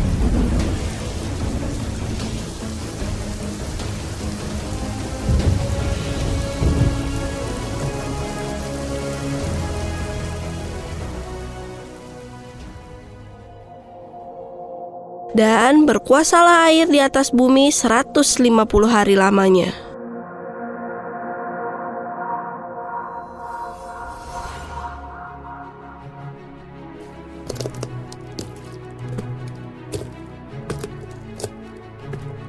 Ayah, sepertinya bahtera ini sudah terdampar. Sudah tidak bergerak lagi. Hujan juga sudah reda ya. Apakah kita bisa keluar ayah? Benar. Kita sudah berada di pegunungan Ararat. Tapi air belum surut anak-anakku. Air masih menggenangi semesta. Lihat, lihatlah. Baru puncak-puncak gunung saja yang terlihat. Ya, aku akan melepaskan seekor burung gagak untuk mengetahui Apakah sudah ada daratan?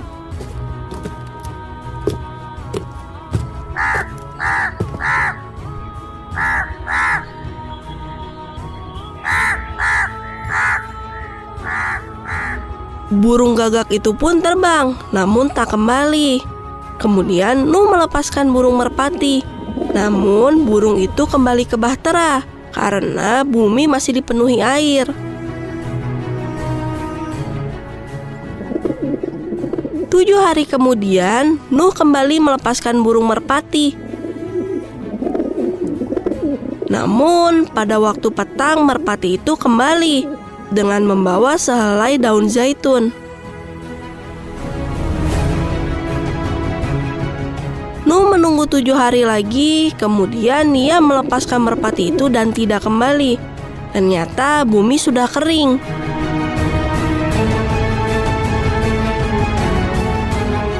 Tiga ratus tujuh puluh satu hari mereka lalui dalam bahtera, dan kini mereka bisa keluar dengan selamat.